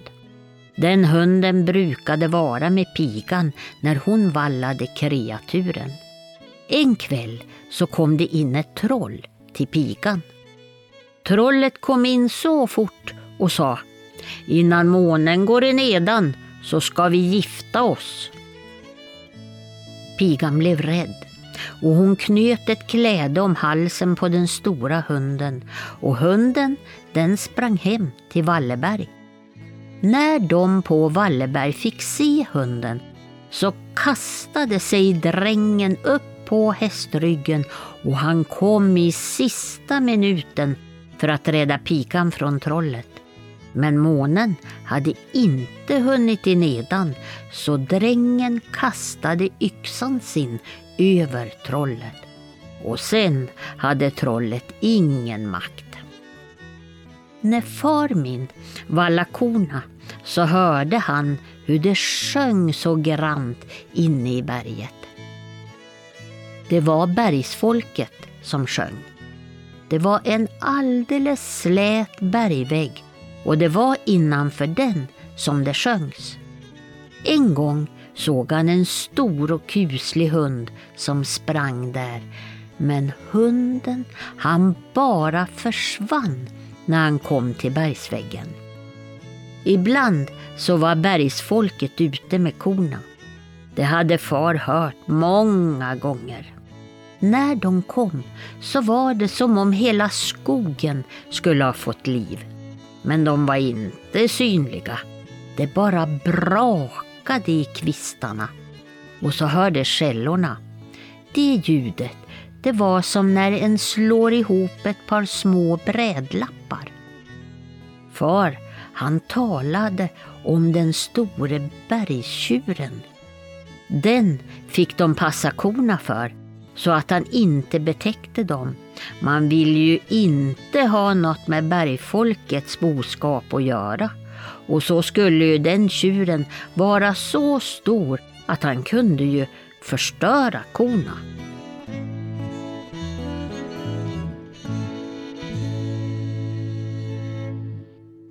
Ja, här i Svanskogs eh, socken i Västergötland så hade man ju faktiskt lite problem med boskapen, eh, trollens boskap här. Men de besitter boskap och de eh, är ganska duktiga på vad de gör ändå, de här trollen.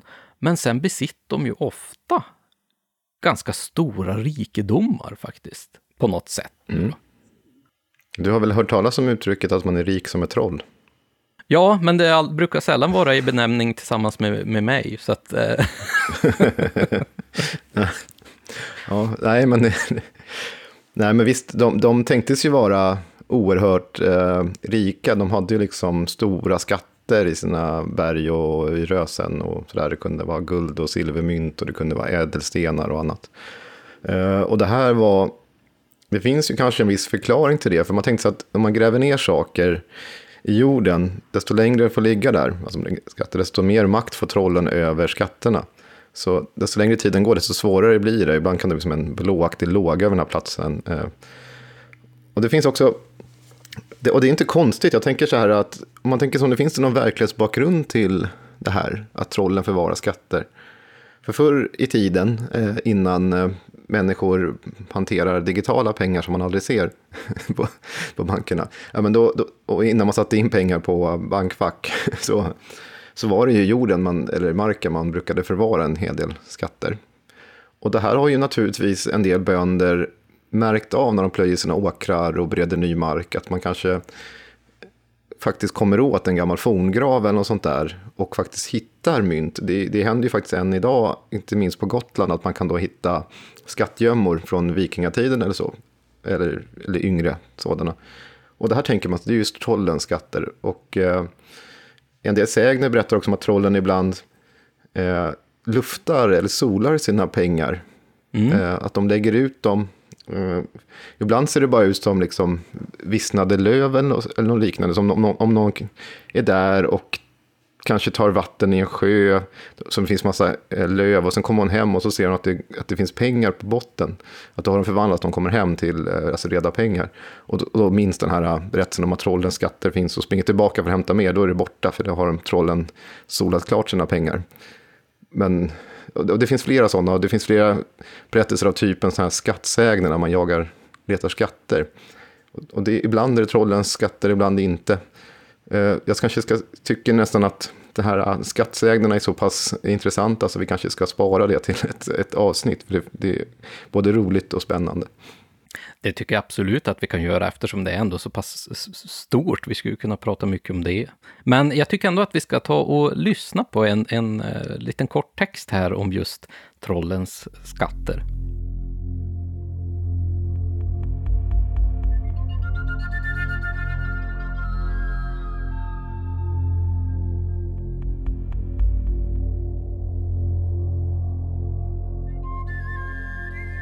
Bergagubben han kom fram till sin gårdsbonde, för de kom ofta och hälsade på sina gårdsbönder.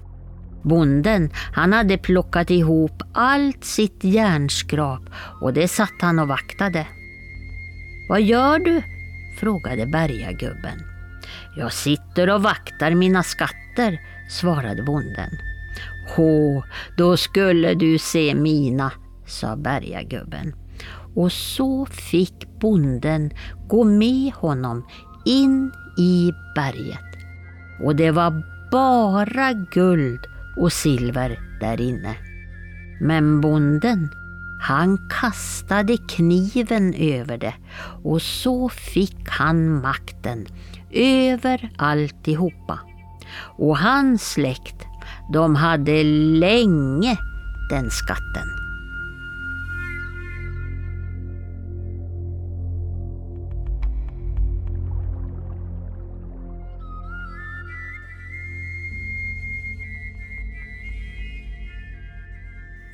Här i Skepplanda i Västergötland finns det tydligen en eh, släkt som besitter en trollskatt, som jag förstår här alltså.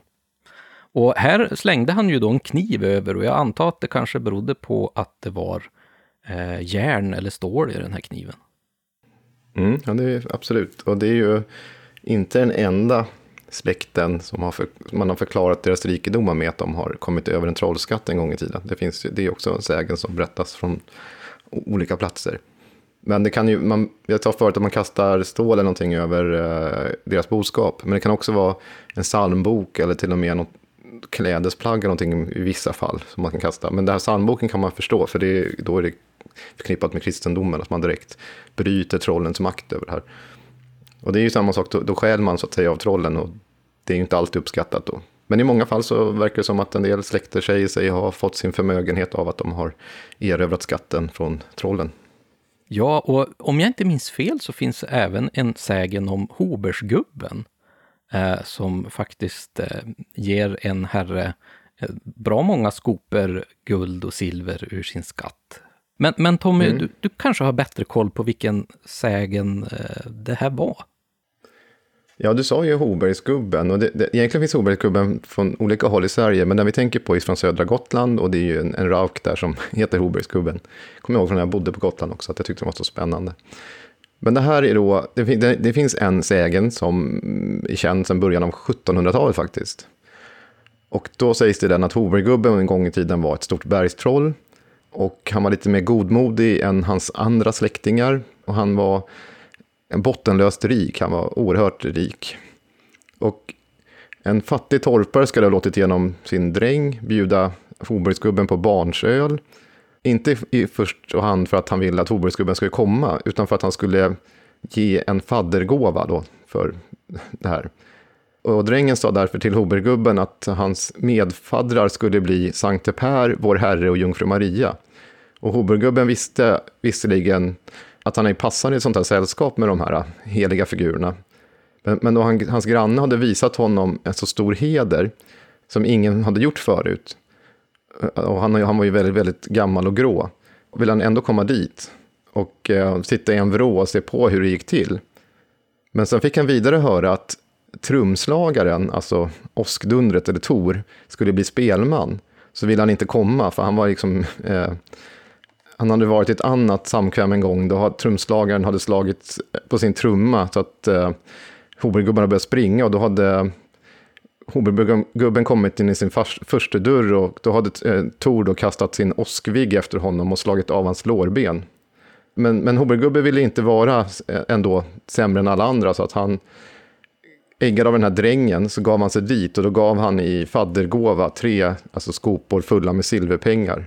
Ja, så att den här, den här sägnen finns i olika versioner, men som jag sa, den äldsta från början av 1700-talet, annars finns den i olika varianter från bland annat 1800-talet. Så det är väl den som du tänkte på då? Ja, exakt, det var det.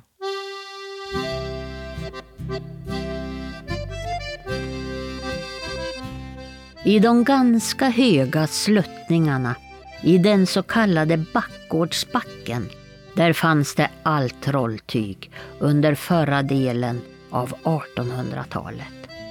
Allt som oftast hälsade de på i bondgården som låg närmast. När trollen blev utan bröd och dricka och sånt, ja, då kom de alltid och lånade och lånet betalade de ständigt riktigt tillbaka. Ja, särskilt drickan var mycket kraftigare. En gång förmäler sägnen att bondfolket hade lånat bröd av trollen. När de hade bakat gick pigan till trollens boöppning med en brödkaka. In kunde hon ju inte komma utan hon fick lägga brödkakan där utanför. Trollen hade nu fått igen sin kaka men de kunde inte röra den. Då skyndade de det fort fortaste de kunde till gården och sa vad som hade hänt. Och pigan blev på det strängaste tillsagd av husmoden att skyndsamt gå tillbaka till trollhålet och vända upp och ner på kakan. För en brödkaka med rätsidan upp, den hade trollen ingen makt över. När pigan hade vänt på brödkakan, då fick hon sig ett hårt slag i ryggen. Så det gjorde hon aldrig om igen.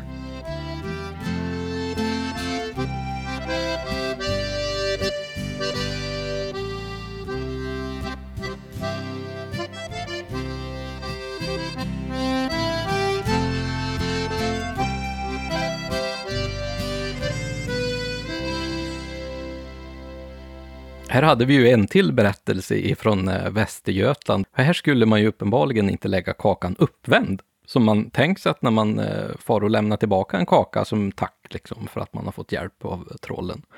Utan här skulle hon vända på den här kakan för att trollen överhuvudtaget skulle kunna ta i den. Varför var det så? Ja, men det är det här att trollen ibland tänks leva i en slags spegelvänd värld. Allting går till på ett annat sätt, tror jag. Det är mm. det som är poängen här. Sen är det också den här biten om att man ska inte förnärma trollen, förolämpa dem på något sätt.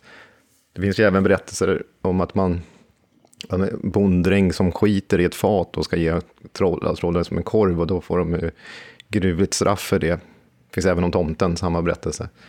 Så att eh, det viktiga här är ju att man visar trollen någon slags eh, respekt och heder. Och ska de ha sin kaka ska man göra det rätt. Ja, pigan här fick ju ett hårt slag i ryggen för att hon hade gjort fel där. Eh, Så Hon hade eh, förolämpat gör- trollet. Ja, hon gör nog inte om det igen som sagt. Men det finns ju en hel del berättelser där, där människa och, och trollen eh, är tillsammans. De hjälper varann och ibland kanske det även blir lite eh, väl heta eh, heter, berättelser där det handlar om eh, giftermål och dylikt. Mm. Och det kan ju leda till trollbarn också. Mm. Eh, Men det är ju det, trollen kan ju som eh, beskrivas på så många olika sätt. Och i ett giftermål med troll, i alla fall när det är en trollkvinna, så brukar det vara en ganska vacker, vacker troll. I andra fall kan det ju ha, ha att göra med att en eh, person, oftast en ung kvinna, blir då bergtagen av trollen och tvingas till ett giftermål med bergagubben. Och då är det eh, ingalunda några no positiva konnotationer, utan då hålls hon där mot sin vilja. Och det är nästan som berättelser om övergrepp och sånt som hon får utstå in i berget. Tills hon en dag blir fri, kanske kyrkklockorna rings eller att hon säger något heligt eller någonting annat som gör att hon kommer därifrån. Ja, det här begreppet om att bli bergtagen har vi pratat om i ett tidigare avsnitt, så det kan vi absolut eh, rekommendera att lyssna om. Men, men varför, va- varför, hur kan man förklara att man blir bergtagen egentligen? Vad fanns det för tecken på det? Bergtagning kan ju vara både människor och eh, djur bli.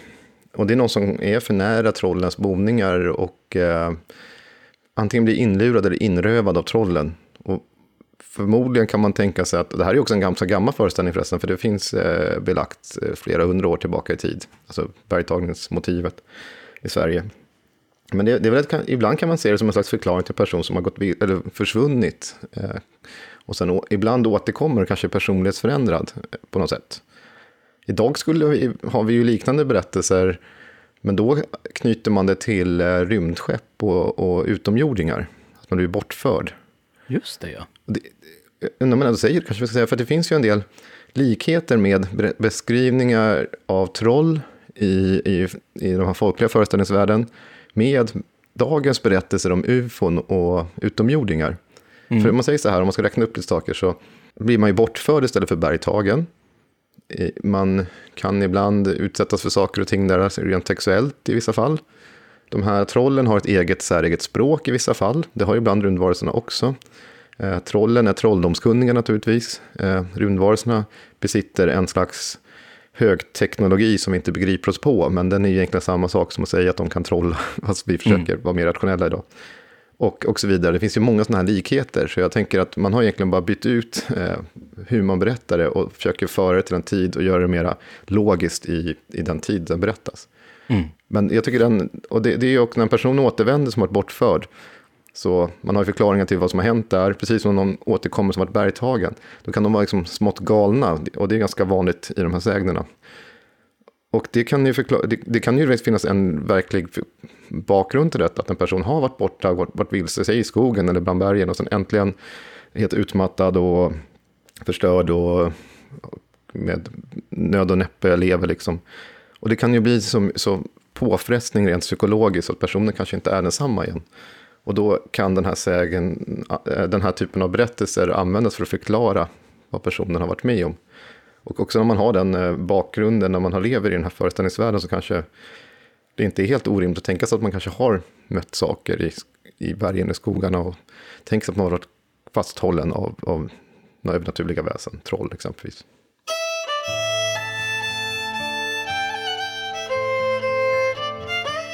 Förr användes det en vinterväg som nu är övergiven genom Majadalen på Demshults mark. En bröllopsskara från Asby udde med en brud som hette Maja tågade fram där då trollen tog allesammans in i ett berg. Efter en tid blev de utsläppta. Berget och dalen fick namn efter bruden och något, liksom en dörr, har synts på berget och där har spökerierna inte upphört än idag. En sån där dörröppning syns än idag på berget. Den kallas för brudhålet och ligger vid vägen mellan Lövåsa och Börshult på Torpön där också ett brudfölje blev intagna av trollen. På Ramlarps ägor, i berget över vilken från Edsarps mark, där den sedan länge övergivna vägen åt Västra Ryd har gått fram, den vägen som kallas för Brudmannastigen. På två berg som båda kallas för Brudbergen, ett på Ramfalls ägor och ett annat på Kvarnkullas. Där sägs också att brudföljen ska ha blivit bergtagna. I den sistnämnda, som också heter Kutahall, där visar sig än idag olika skepnader och oknytt och skrik har hörts, liksom som av späda barn som hemsöker dem som far fram på vägarna där.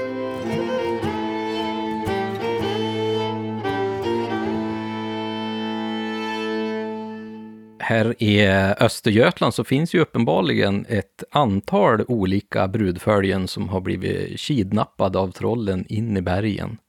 Det här var tydligen väldigt vanligt, vad jag kan förstå. Ja, alltså det du läste upp nu tycker jag är ganska, det är han eh, Leonard Fredrik Räf, även kallad för Ydredrotten.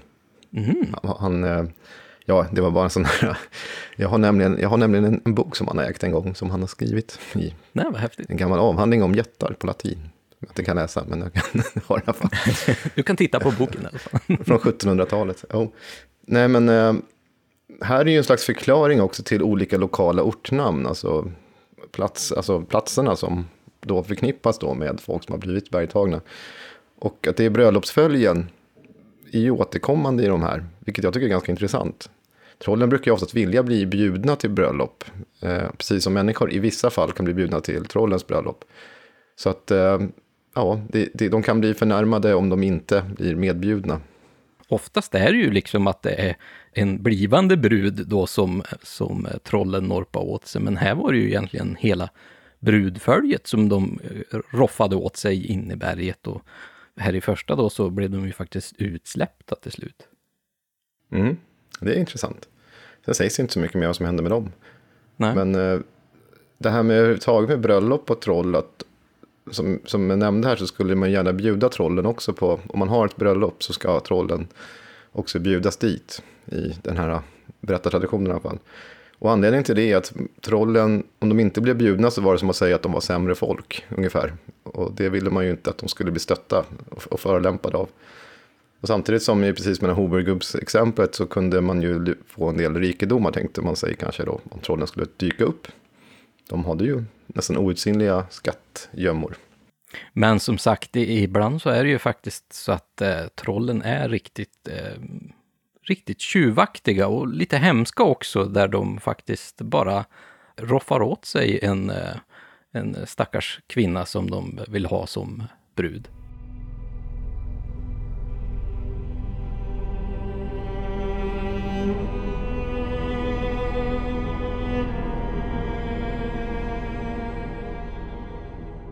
Ett troll boende i Frösviksbergen och som inte blivit bjuden på ett bröllop i Råhamra blev så argsint att han med sitt strumpeband slungade iväg ett stort klippblock från Åsberget efter brudföljet vilka färdades med båtar på Åsunden från Frösvikslandet till Råhamra.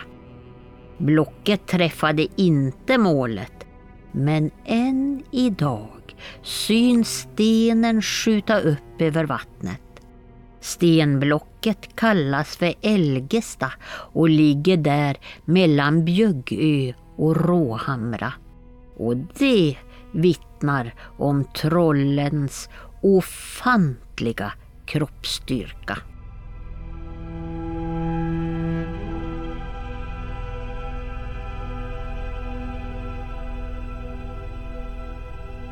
Ja, du ser ju här när man eh, inte bjuder med trollen på bröllop så blir de ju ganska förbannad. Och här är ju en liten intressant eh, grej ifrån Östergötland att här står ju då trollet och, och slungar iväg ett stort stenblock med sitt strumpeband. Är inte det någonting mm. som man ofta brukar prata om när det gäller jättar? Är det inte ofta jättar som tar sina strumpeband och kastar iväg de här stora stenblocken så att det blir de här jättekasten ute på markerna? Jo då, det, det är absolut så, men trollen kan också göra så. Eh, både jättar och troll kan, som vi var inne på, vara ombytbara i vissa, vissa berättelser.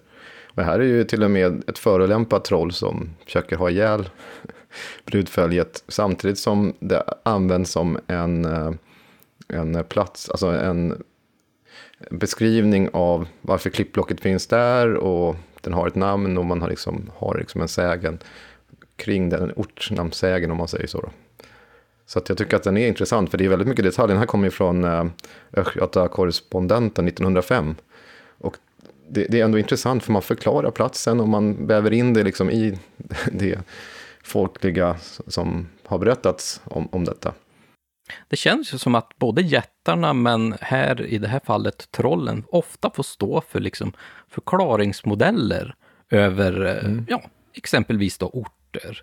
Varför heter det där och varför står den stenen där och varför eh, växer det så himla bra på de här markerna? Att trollen och, och jättarna får vara den, den man kan skylla på eh, och, och ge en förklaring till varför det är som det är.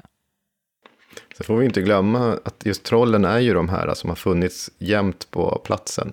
Och liksom jättarna som ju oftast är ännu äldre eller inte lika vanligt att människor möter på samma sätt. I alla fall i den här levande folk, alltså folktron. Däremot folkdiktningen är någonting annat då. Men, men trollen kan man verkligen möta på. Och då är det liksom, ja, om de alltid har funnits där så kanske de också har eh, format delar av landskapet och har satt sin prägel på det.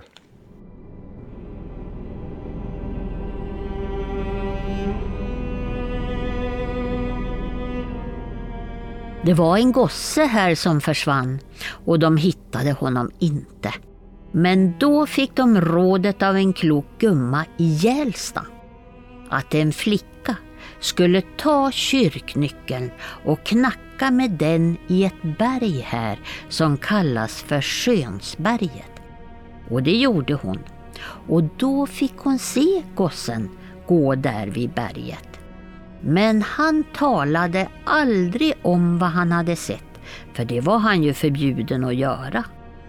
Som äldre så blev han dräng och var vid kvarnen en gång och då narrade de honom att berätta om det. Men sedan fann de honom död just där vid berget.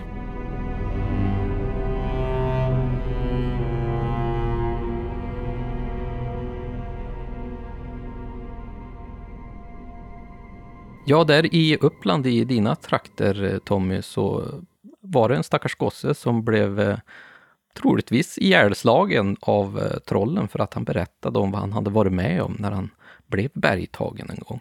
Det var ju lite tragiskt faktiskt. Det, ja, det är en tragisk berättelse som eh, är intressant också därav att den berättar om den här kyrknyckeln. Mm. Det intressanta där är ju att man går till en klok som man gjorde på om man vill ha, veta hur man ska lösa saker och ting. Och den kloka säger då att man ska gå och slå med kyrknyckeln runt berget tills man hittar... Tanken är då att man ska hitta porten in. Att man kan hitta eh, trollens eh, port. Och det gör, har du heliga med kyrk, alltså det är nyckel och det är heligt och så vidare. Men i det här fallet så funkar inte riktigt den metoden och i slutändan så leder ju allt detta till att eh, trollen slår ihjäl denna gosse. Och eh, det här är ju, alltså trollen, precis som andra väsen, oftast så är det, människor dör oftast inte i, i de här berättelserna. Det kan ju hända att man blir galen och sådär. Men, och, eller kan dö också för en del. Men, men i vissa sådana här så, så, blir man verkligen ihjälslagen av de övernaturliga. Och jag, man vet ju inte, jag menar jag kan inte bakgrunden till den här berättelsen och sägnen. Tänk, det kan ju tänkas att det finns ett verklighetsunderlag eh, eventuellt någonstans, att någon har hittat stöd vid berget och det finns de här berättelserna om det. Och det, det är ju inte konstigt att tänka sig att man hittar en död människa vid ett berg. Det är ju, i äldre tid.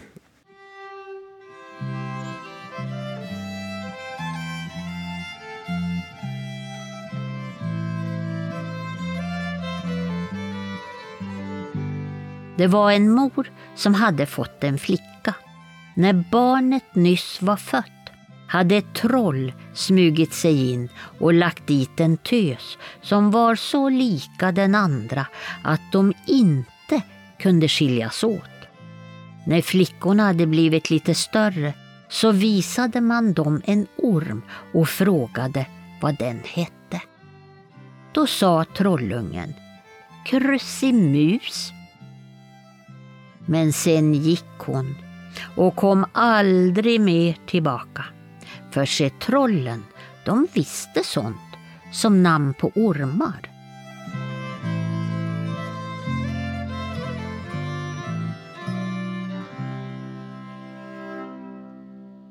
En annan väldigt farlig grej som i alla fall inte jag skulle vilja uppleva som nybliven förälder, det är ju något som trollen kan göra ibland om man inte verkligen förbereder sig. Och det är ju att trollen kan gå in exempelvis eh, ditt hem och ja, byta ut ditt barn mot, mot sitt eget. Att det faktiskt blir en så kallad bortbyting. Det här med tanken om bortbytingar är ju väldigt intressant och vi har även här gjort eh, ett helt avsnitt om eh, bortbytingar. Men Tommy, du kanske kan lite kort berätta om det här eh, tanken på bortbytingar? Det handlar helt enkelt om att innan ett barn kristnas och upptas i den kristna gemenskapen så var det sårbart. Och det fanns en risk här, om en förälder var ouppmärksam eller så, så kunde få sitt barn då stulet av trollen, som drar sitt, sitt trollbarn då i, i utbyte. Och där kunde man märka, eh, enligt många av de här berättelserna, på att barnet kanske inte utvecklas som andra barn utvecklas, att det skriker extra mycket, att den eh, ser annorlunda ut och, och så vidare. Och det här är någonting som vi kanske idag skulle, ja, det, det är ju ganska grymma förklaringsmodeller ibland på att eh, en del barn avviker då från normen. Men den, det här är ju då att det är, det är trollmor som har varit där och stulit helt enkelt. Den vill ha ett, ett, ett människobarn. Och man kan ju på olika sätt försöka, mm, då, enligt den här sägnerna kan man då försöka hota med att stoppa in trollungen i, i ugnen. Och då ska trollmor uppenbara sig och vilja byta tillbaka för att hon inte är så grym mot människobarnet som människomamman är mot eh, trollbarnet. Som sagt, vi har ju ett helt avsnitt om detta. Jag tänker på en annan sak när man pratar om trollungar, för att det är ju man kan ju också använda trollunge på ett helt annat sätt eh, som görs idag. Det finns bland annat i eh, den här filmen Tjorven och Skrollan från 1965 som bygger på eh, Astrid Lindgrens böcker om Saltkråkan. Så finns det en person som heter Stina som hör hur mamman Malin kallar då Skrollan för en trollunge. Och eh, den här Stinas fantasi sattes igång då. Och och, eh, Eh, Scrollan sätts ut i en koja i skogen där hon ska vänta på sin riktiga mamma. Så hon sitter där och vill vänta på sin trollmamma. Och det, det är ju en lite så här, kanske gulligare eh, variant av detta. Som vi kan förvänta oss av Astrid Lindgren. Ja, och det kanske även kommer därifrån, men, men någonting som vi använder lite gulligt så att säga, det är ju just att eh, benämna söta, fina barn som, som ser lite rufsiga ut och är lite spillevink, kan vi ju benämna för att vara en trollunge liksom. Att de är lite, lite skojiga, lite oro, annorlunda än vanliga barn. Ja, stort rufsigt hår eller någonting, då kan det bli inte en trollunge. Mm.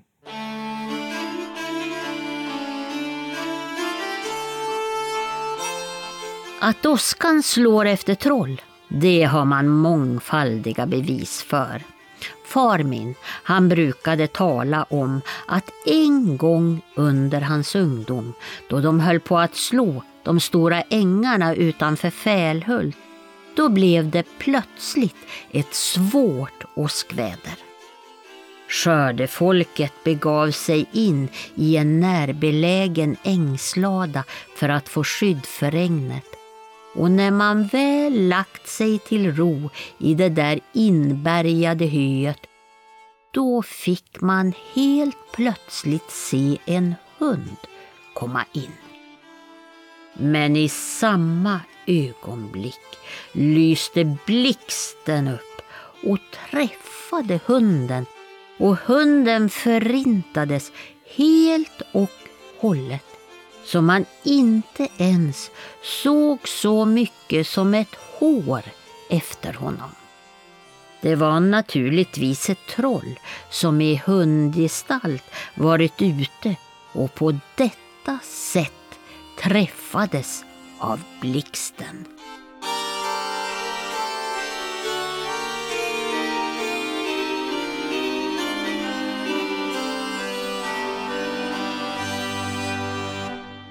Ja, här hade vi ju en berättelse faktiskt ifrån eh, Småland som är väldigt eh, trollbefolkat, kanske. Eh, och här, jag tyckte den här är så himla rolig, Tommy, för att jag, jag, kan nästan se framför mig hur den här eh, hunden bara smäller till och går upp i rök av den här blixten. Ja. Men, men här är det ju någon form av förklaring till att eh, trollen är rädda för blixten. Varför är de det? Mm. Ja, det är blixten slungas ju av ingen mindre än Tor, som den stora osguden i den fornnordiska mytologin. Och han är ju känd som den stora jättebekämparen i myterna. Eh, och eh, det där har levt vidare i folkfantasin också. Och eh, Tor är den som jagar både jättar och troll. Och skogsrån har också hört om. Men så att trollen flyr ständigt Tor, så att det är, liksom, det är en slags ärkefiende till varandra. Och när det blixtrar ute så säger man ju att eh, det är liksom Tor ute, dundrar och slår troll. Så när blixten slår ner så är det ett troll han träffar och kastar sina blixtar efter. Och i den här så är det precis som, som det jag tycker är så intressant, eller roligt som man säger, att, att hunden var ju naturligtvis ett troll. Det, det, det, det är liksom självklart, det, det vet, man, vet ju alla. Att det, men det är också att trollen kan byta skepnad, precis som många andra övernaturliga väsen, och anta olika djurformer och sådär. Så det är inte alltid helt säkert att ett troll ser ut som en humanoid figur, utan det kan ju, vara, kan ju faktiskt vara ett djur som är ett troll. Var det något speciellt annat som trollen kunde vara rädda för? Vi har ju nämnt Tor här till exempel, som jagar dem med blixtar. Mm. Och sen har vi ju då eh, lite kristna motiv som, som pekar på att de är väldigt rädda för just det. Guds ord ja, till exempel har ju stor kraft. Ja, men det är precis det som många andra väsen, att trollen inte klarar av de kristna orden. Eh, att nämna Guds namn kan ju räcka för att om någon, det finns ju också berättelser om någon är ute och går och ser två vackra kvinnor där ute och sen säger någonting med Jesu namn och så här, eh, och då, då försvinner de bara, puff. Eh, då vill de, då, och i andra fall om man liksom blir, riskerar att fångas av trollen eller man hamnar i en obekväm situation så kan också att läsa en bön eller att ha med sig en psalmbok eller någonting annat kan också vara ett ganska kraftfullt skyddsmedel mot troll och andra övernaturliga väsen. När vi har pratat här om att eh, berättelsen kommer ifrån Småland så eh, drar man ju till minnes också att finns det inte en adelssläkt ifrån Småland som heter Trolle? Jo det Lars, det finns absolut en adelssläkt, en riktigt gammal sådan som heter just eh, Trolle. Och de har ju till och med en vapensköld med ett, ett trollmotiv på med avhugget huvud. Och det finns ju olika berättelser om hur det här har, hur det här trollet eh, har, har besegrats en gång i tiden. En av dem handlar om en person då som är absolut inte belagd i några på tillförlitliga källor, som hette Gunnar Gröpe. Och eh, han ska ha levt då ungefär under vikingatiden, i, ibland verksam i Värend, som är känt då, som vi vet från Värend och Virdanö av Gunnar Olof Hultén Cavallius. Eh, men den här eh, eh, Gröpe då, var någon slags urfader till den här adelssläkten sägs det. Och vid ett tillfälle ska han ha, alltså han var en sån här eh, alltså, hedning då som benfast höll, kvar vid, höll fast vid den liksom, förkristna religionen. Och han ska ha kämpat mot eh, Harald Hårfager och massa saker. Men han, vid ett tillfälle så mötte han ett troll som han högg huvudet av. Och det här trollet, eh, avhuggna huvud, eller kroppen, är ju det som är symbolen sen för adelssläkten Trolle.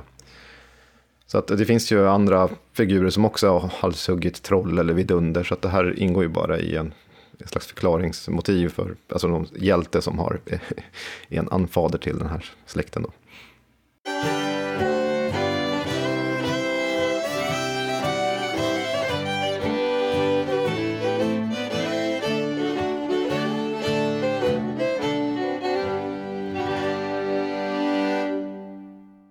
Ja, men du Tommy, det finns väl ändå en eh, ganska känd och vanlig sägentyp där eh, trollen eh, möter människan. Du, du kanske kan berätta lite grann om just den här sägentypen? Det, finns en särskild sägentyp som man skulle kunna kalla för det bortrövade dryckeshornet eller dryckeskärlsägnen. Den är känd från ja, olika håll, men här i Norden så är den känd sedan åtminstone 1500-talet, slutet av 1500-talet. Och då knyts den ett Oldenburger-hornet på Rosenborgs slott i Köpenhamn och så har du Ljungby horn och pipa på Trolle-Ljungby slott i nordöstra Skåne. Och de här eh, berättelserna eh, finns i väldigt många varianter, exempelvis den här om eh, Ljungby horn och pipa. Eh, den är känd i, ja, också i ganska mycket sådana här skillingtryck som då kom ut olika utgår från 1700-talet framåt. Från 1774 tror jag, alltså skillingtrycket där. Och har ja, förekommit i olika sammanhang och berättats i olika former. Det här är alltså ett berättelse om hur ett särskilt horn och en pipa som man har på slottet har, har kommit dit en gång i tiden. Och i de här sägnerna så brukar det ingå troll. Och faktum är att eh, vi, tar, vi pratade lite grann om eh, studier. Det finns ju även en doktorsavhandling som handlar om den här sägentypen. Och det heter Det bortrövade dryckeskärlet, en sägenstudie av en etnolog som heter Inger Lövkrona. Den är fantastiskt spännande också, för hon går igenom det här. Men det finns ju så många varianter på den här äh, sägnen. Och vi har ju en sägen som, just det, jag kanske ska säga här, nu är jag ändå inne på det, för vi nämnde tidigare att Carl von Linné har berättat om såna här, även den här sägnen. Och det gör han i sina Skåneresor, alltså. och där, där nämner han den här Ljungbyhorn och pipa-sägnen. Och då är vi också på 1700-talet. Så det, det, är en väldigt spännande variant. Men vi, vi har ju en, en, variant här som Eva har läst in. Och den här är inte från Skåne, utan den kommer från Halland. För vi tänkte att vi har inte haft så jättemycket material från Halland i det här avsnittet. Så vi får höra en, en version från Halland.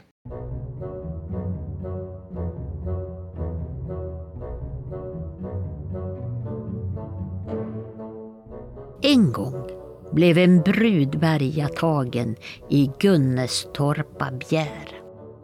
Brudgummen var över sig given och lovade en riklig belöning till den som kunde befria bruden ur trollens våld.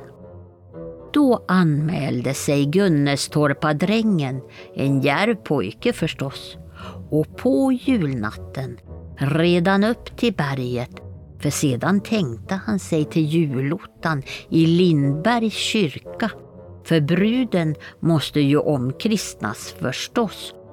Om han nu kunde komma dit med henne. Då han kom i närheten av berget hörde spel där inifrån. För nu höll trollen på att dansa. Men de var inte i värre i tagen än att de hörde när han bultade på. När trollen kom ut bad drängen om att få lite dricka. Och strax sände de ut bruden med ett horn och i hornet ett öl som fräste. Då tänkte drängen att det nog var farligt att dricka så han hällde ut det bakom sig. När han låtsades dricka av ölet så kom några droppar på hästens länd och där sveddes håret bort.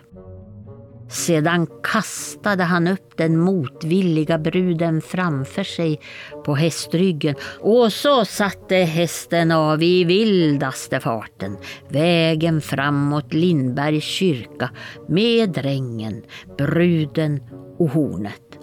Och trollen efter.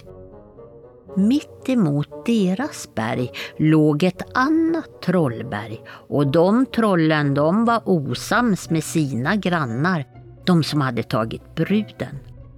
När de nu såg att trollen säkert skulle ta fast och fånga både ryttaren och hans byte så skrek de till drängen. Rid inte vägen den hårde utan åken den bolde för dålig fot är efter. Då red drängen in på åken och så länge den räckte då var han säker. För på odlad mark, där har trollen ingen makt. Men trollen, de följde efter dem på vägen. Till deras lycka räckte åken ända fram till kyrkomuren. Men just som hästen tog skuttet över muren så högg trollen av hästen på mitten med sina svärd. Ena halvan blev liggande på åken och den andra hästhalvan med ryttare och brud var räddade på kyrkogården. För på helig mark har inget trolltyg någon makt. Bruden, hon måste ju bli omkristnad innan hon kunde bo med riktigt folk. Men var trollens ölhorn blev av? Ja, ja det förtäljer inte sägnen.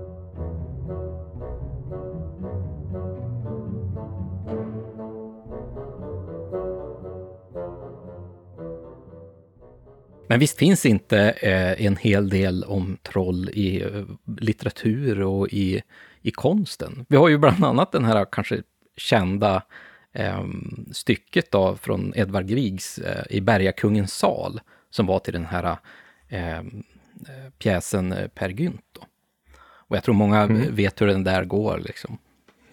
Mm. Ja, det, vi ska inte låtsas uh, sjunga. Nej, det, vi, vi, ska inte sjunga här i... då, då, då, tappar vi alla lyssnare. Ja. Nej. Jo, men visst finns ju troll. Det finns i, i allt ifrån dramatiserad form med troll i och det finns eh, Selma Lagerlöf exempelvis har ju skrivit om en, en, en liten berättelse om bortbytingen. Och, ja, de förekommer i Tolkiens verk, de förekommer i all möjlig form av litteratur. Konst vet vi att det finns mycket troll. Vi har även den här bokserien Bland tomtar och troll. Eh, vi har även någonting som jag tycker, som jag, ja, vi har trollen i en del sagor som lever kvar med bockarna Bruse, att trollen lever under broar är också sån här klassiskt motiv. Eh, som inte är så vanligt förekommande måste jag säga, som jag har sett det i sägnerna, för att de brukar inte bo under broar just där. Men intressant nog så är det så som vi tänker på det, inte minst via bockarna Bruse. Men jag tänker på någonting annat som när, vi, när jag var liten, och när du var liten säkert också, så fick du säkert höra en väldigt, väldigt fin dikt av en av våra största poeter, tycker jag i alla fall, var Gustaf Fröding. Och han skrev ju en dikt som heter Ett gammalt bergstroll. Ja, ska, vi kanske ska ta och lyssna här, Eva, läsa den här dikten av eh, Fröding.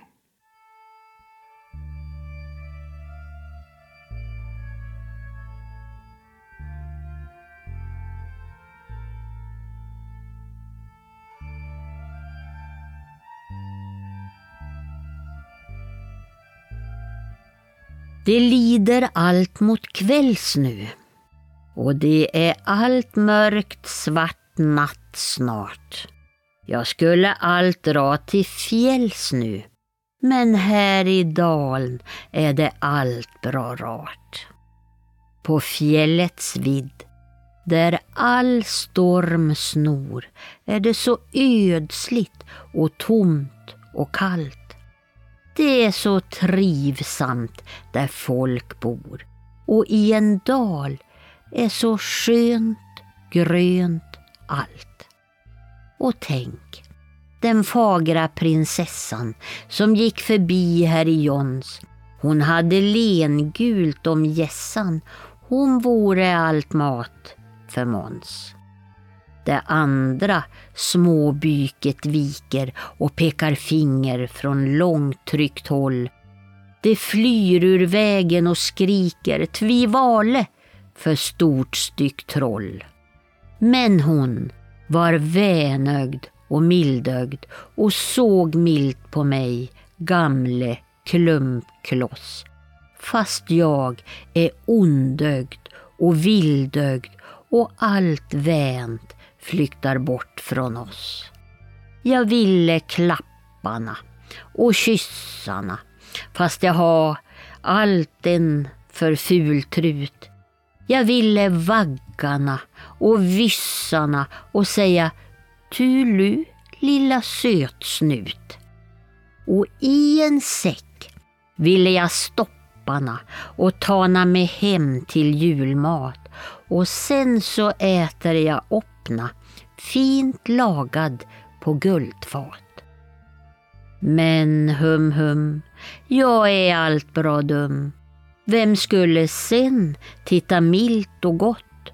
En tocken dum jöns jag är, hum hum, ett tocke dumt huv jag fått.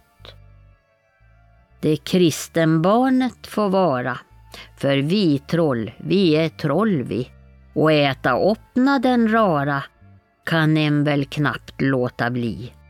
Men nog så vill en väl gråta när en är ensam och ond och dum. Fast lite lär det väl båta. Jag får väl allt rumla hem nu, hum hum.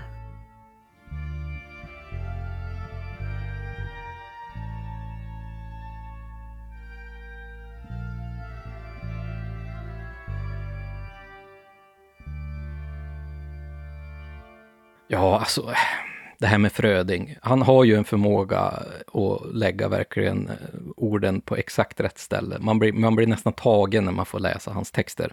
Och här få höra Eva läsa den högt, det är ju...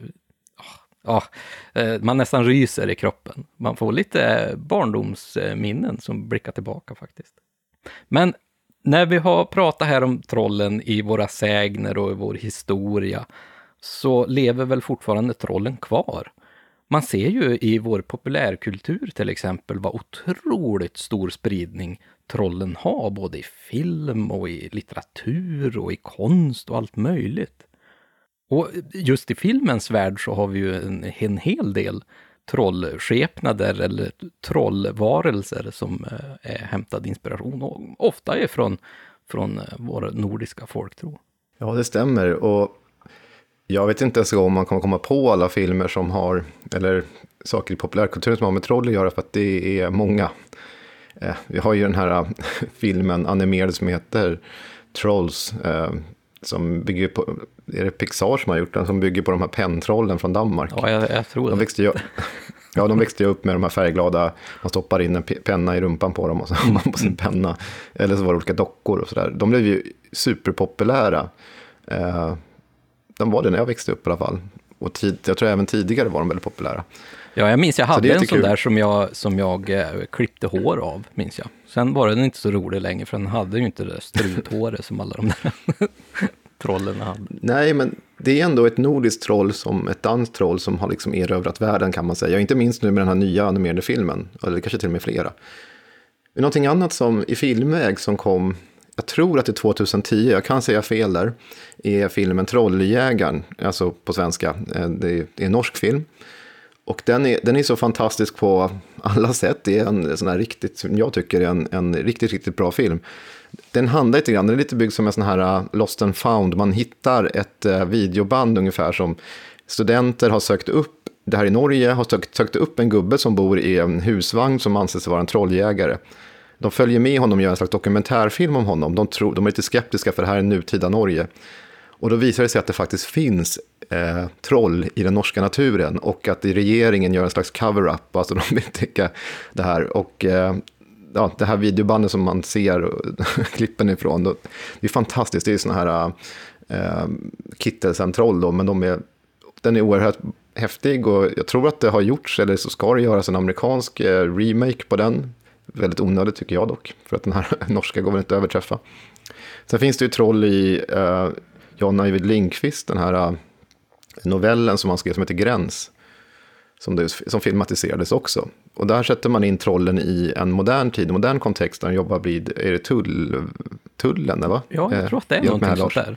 Men den är ju spännande, för att här har han ju gjort det här med också trollens kön, har han vänt på. Så att för att hon, när kvinnan det handlar om kan aldrig bli tillfredsställd sexuellt för hon möter ett troll och då ett annat troll. Och då visar det sig att trollens eh, samlag går till tvärtom mot oss människor. Att det är kvinnan som penetrerar mannen så att säga i den. Eh, så det tar, tar det upp. Sen har vi ju filmer animerade som Trollhunter i en film som finns som handlar om troll. Jag såg någonting som finns på nätet också som heter eh, Trollbridge som eh, Terry Pratchett-troll som man har gjort en film. Jättes, han har ju sådana stentroll, de är också ganska häftiga. Den, den ligger faktiskt på nätet och tittar på fritt. Sen såg jag någon kortfilm, också från Norge för ett tag sedan, som handlar om miljöförstöring och ett litet troll som liksom man får följa i den här korta animerade filmen. Och den tyckte jag var fantastiskt bra gjord, för då använder de också trollen som en slags för att vi ska bli medvetna om miljöförstöringar och sånt där, vad som händer med de stackars trollen. Ja, det, det, är en fantastisk eh, fin liten, liksom en leranimering där. Och, och det här trollet är ju liksom så himla roligt animerat. Så att vi ska faktiskt ta och, och eh, lägga en länk till just eh, den filmen i det här litteraturdokumentet som vi alltid har. Eh, vi kan verkligen mm. rekommendera, om inte annat så får man lära sig lite mer om, om eh, de miljöförstöringar som vi håller på med just nu. Och det, hur det påverkar trollen och andra väsen. Sen kan man inte glömma den här, vad heter det, Trolltider som var en julkalender där Ebbe Schön presenterade varje lucka med en liten berättelse om folktro. Mm. Intressant här i den tiden, det här var 80-talet, han fick ju, han blev utsatt för allt möjligt, liksom äh, aggressioner från en del personer från kyrkan då, eller kyrkligt, äh, ja, kyrkliga personer som var, var alltså ganska upprörda över att man visade sånt här på tv på den här tiden för barn och så. Det var ju, tack och lov har tiderna förändrats, för att annars vet man inte vad som händer med oss här, Lars. Om vi också får utstå något liknande. Tack och lov, vi ligger ju inte på samma tid. Men eh, ja, det, det är några exempel. Jag, man skulle kunna sitta och rabbla upp eh, trollrelaterade saker i populärkulturen i all oändlighet. Men det här, det här var några, några liksom, exempel. Vi har ju några, eh, om inte annat, några populära böcker eh, som, som är inspirerade av just trollen. Vi har ju Stefan Spjuts, den här Stallo, eller Stalo. Eh, och den är ju kanske i och för sig lite mer inspirerad ur samisk eh, folktro då. Eh, med det här just väsenet, eller varelsen Stallo. Sen finns ju mm. också en seriebokserie av eh, Emil Maxén som har gjort den här serien Storjubal från eh, Krokaja. Och den är ju väldigt spännande. Det är liksom en, en, en, en tecknad serie i bokform i tre böcker. Och eh, väldigt roligt troll där som är, är, har en speciell personlighet som man får följa då. Och om man känner igen Emil Maxén så är det ju också för att han eh, tecknade ju julkalendern 2020, den här eh, julkalendern och barnboken eh, Knäckarbanketten, som också är fylld med allehanda väsen och varelser. Så att det, eh, det är faktiskt eh, lite kul. Och sen har vi ju naturligtvis nämnt här eh, Tolkiens troll i Sagan om ringen, eller Härskaringen-böckerna och Bilbo och så liknande. Det är ju inte troll i Harry Potter också. Ja, det finns ju absolut troll i Harry Potter och i i alla fall i filmatiseringen så är de ju riktigt eh, korkade och virrar omkring där på skolan. Jag i alla fall vill jättegärna höra era tips eh, från våra lyssnare och tittare här. Är det något som vi borde konsumera när det gäller eh, trollens inspiration i eh, populärkulturen? Finns det några filmer, några tv-serier, är det några böcker vi borde läsa? Skriv gärna i, i kommentarer eller skicka till oss på på eh, Oknytt eh, Sverige på Facebook och Instagram. Det vore jättekul att få höra och få mer tips om det här.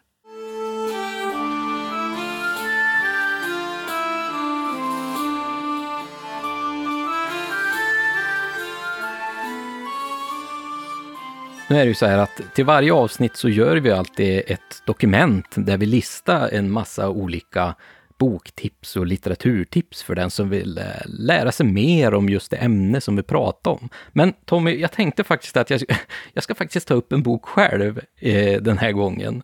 Och eh, det är en bok som faktiskt kanske var grunden till att jag blev så intresserad av troll.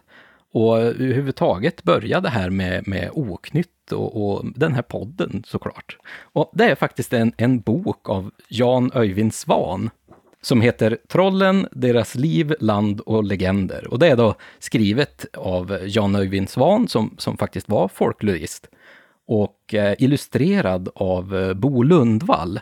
Och det här är en så himla rolig bok. Och jag vet inte riktigt hur lätt den är att få tag på, för den är ganska gammal. Men eh, den är otroligt rolig, för att det är ju... Jan Öyvind Svan var väldigt duktig på att skriva på ett väldigt spännande och klurigt sätt. Och det han har gjort med den här boken är att han har använt de faktiska sägner och den forskning som faktiskt är gjord på troll och eh, sägnerna om troll.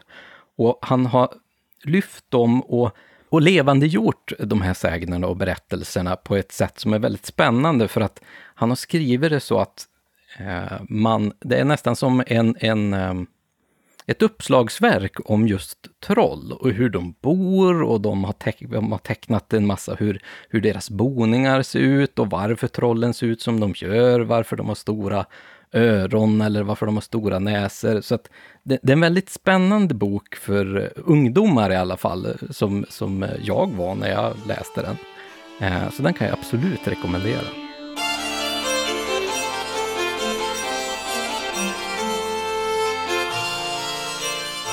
Men nu tänkte jag nästan att vi skulle sätta punkt för det här avsnittet om trollen. Och, men innan vi gör det så Tommy, det är ju så här att i och med det här avsnittet, som är nu nummer 16 i år, så har ju vi faktiskt, det här är ju ett jubileumsavsnitt. Nu har vi hållit på ett helt år med den här podden när man talar om trollen. Jämmaren vad roligt det har varit. Vi ska inte förlägga oss för länge vid det här, men gud vad kul det har varit och vilka spännande ämnen vi har tagit upp. Det har varit helt fantastiskt det här året som har gått. Eh, eller ja, förra året när vi började. Första avsnittet sändes ju 20 augusti 2020. Och mm. nu är Faktum är att idag när vi spelar in det här avsnittet så är det den 20 augusti 2021. så att egentligen så ser jag nu på kalendern. Så att det är ju, det är ju fantastiskt. Ja, och då har vi hunnit med så här väldigt många avsnitt. Och vi har dessutom hunnit med två livesändningar som också ligger ute. Mm. Vi har ju, har ju en hel del extra material också för de som är med i vår eftersnacksgrupp på Facebook. Som mm. Där vi också har filmat en del och lagt ut och, och kompletterat med andra saker. Så det här känns ju, och, och som vi har växt på den här tiden, det är, är, ju helt otroligt. Och vi är så tacksamma över alla er som lyssnar och tittar, att, att, vi, att, att ni fortsätter tro på oss och, och gör att vi känner inspiration att fortsätta länge mm. till med detta. Och, och, det kan vi ju nästan garantera att vi, vi kommer fortsätta länge till med det. Och, men det är som sagt, det är så otroligt kul att se och få höra er respons på våra avsnitt. Det här är så himla kul och det ser vi även i det här avsnittet eh, på det som vi sänder då på Youtube och på Facebook i en videoversion. Där ni faktiskt bidrar med sådana fantastiska målningar och, och skisser och, och illustrationer på i det här fallet trollen, men i tidigare avsnitt så har det ju alltid varit något som har varit relaterat till det ämne som vi har liksom pratat om. Och det är så kul att ni kan inspireras av det vi pratar om och det som har funnits före oss naturligtvis. Eh, så jag tror att eh, jag pratar för dig också Tommy här, att eh, det vi egentligen vill göra här är att säga tack så hemskt mycket till er allihopa som lyssnar och tittar på oss. Det här har varit ett fantastiskt år och vi ser fram emot ett fantastiskt kommande år också med många spännande ämnen som vi kommer att prata om inom folktro och mytologi. Och med det så säger jag tack för den här gången Tommy. Det här var jättespännande. Eh, nu har vi eh, avyttrat att prata med eh, när vi talar om trollen helt enkelt. Nu har ni talat med trollen. Nu har vi talat med trollen. Får jag förresten öppna min farstudörr nu? Tror jag törs göra det. Då står de utanför och väntar. Ja, risken är det. Jag kanske håller den låst en stund till. Men tusen tack Tommy! Och jag vill eh, påminna våra lyssnare och eh, våra tittare att vi finns ju på Facebook och Instagram under Oknytt Sverige. Och Tommy finns ju på Instagram under Suttungsbrew. Och sen har vi ju som sagt den här fantastiska Facebookgruppen när man talar om trollen Eftersnack. Eh, där vi lägger upp lite bonusmaterial och bakom kulisserna material och ni får alltid veta först vad som kommer att hända. Och ni får även ge input, vilket vi älskar eh, när ni ger oss respons på de avsnitt vi har gjort eller avsnitt som vi borde göra i framtiden. Så tusen tack Tommy och tusen tack till er som har lyssnat och tittat idag. Så hörs vi i nästa avsnitt. Podden är producerad av Oknytt, Nordisk folktro och mytologi Och intromusiken är komponerad av Mark Jungerman.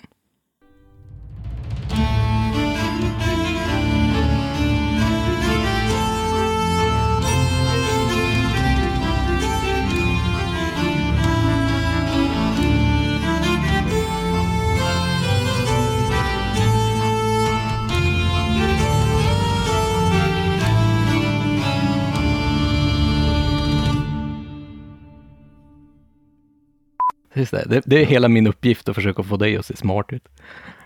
Ehm, det är bra. Jag är helt dum i huvudet, men det är Tack.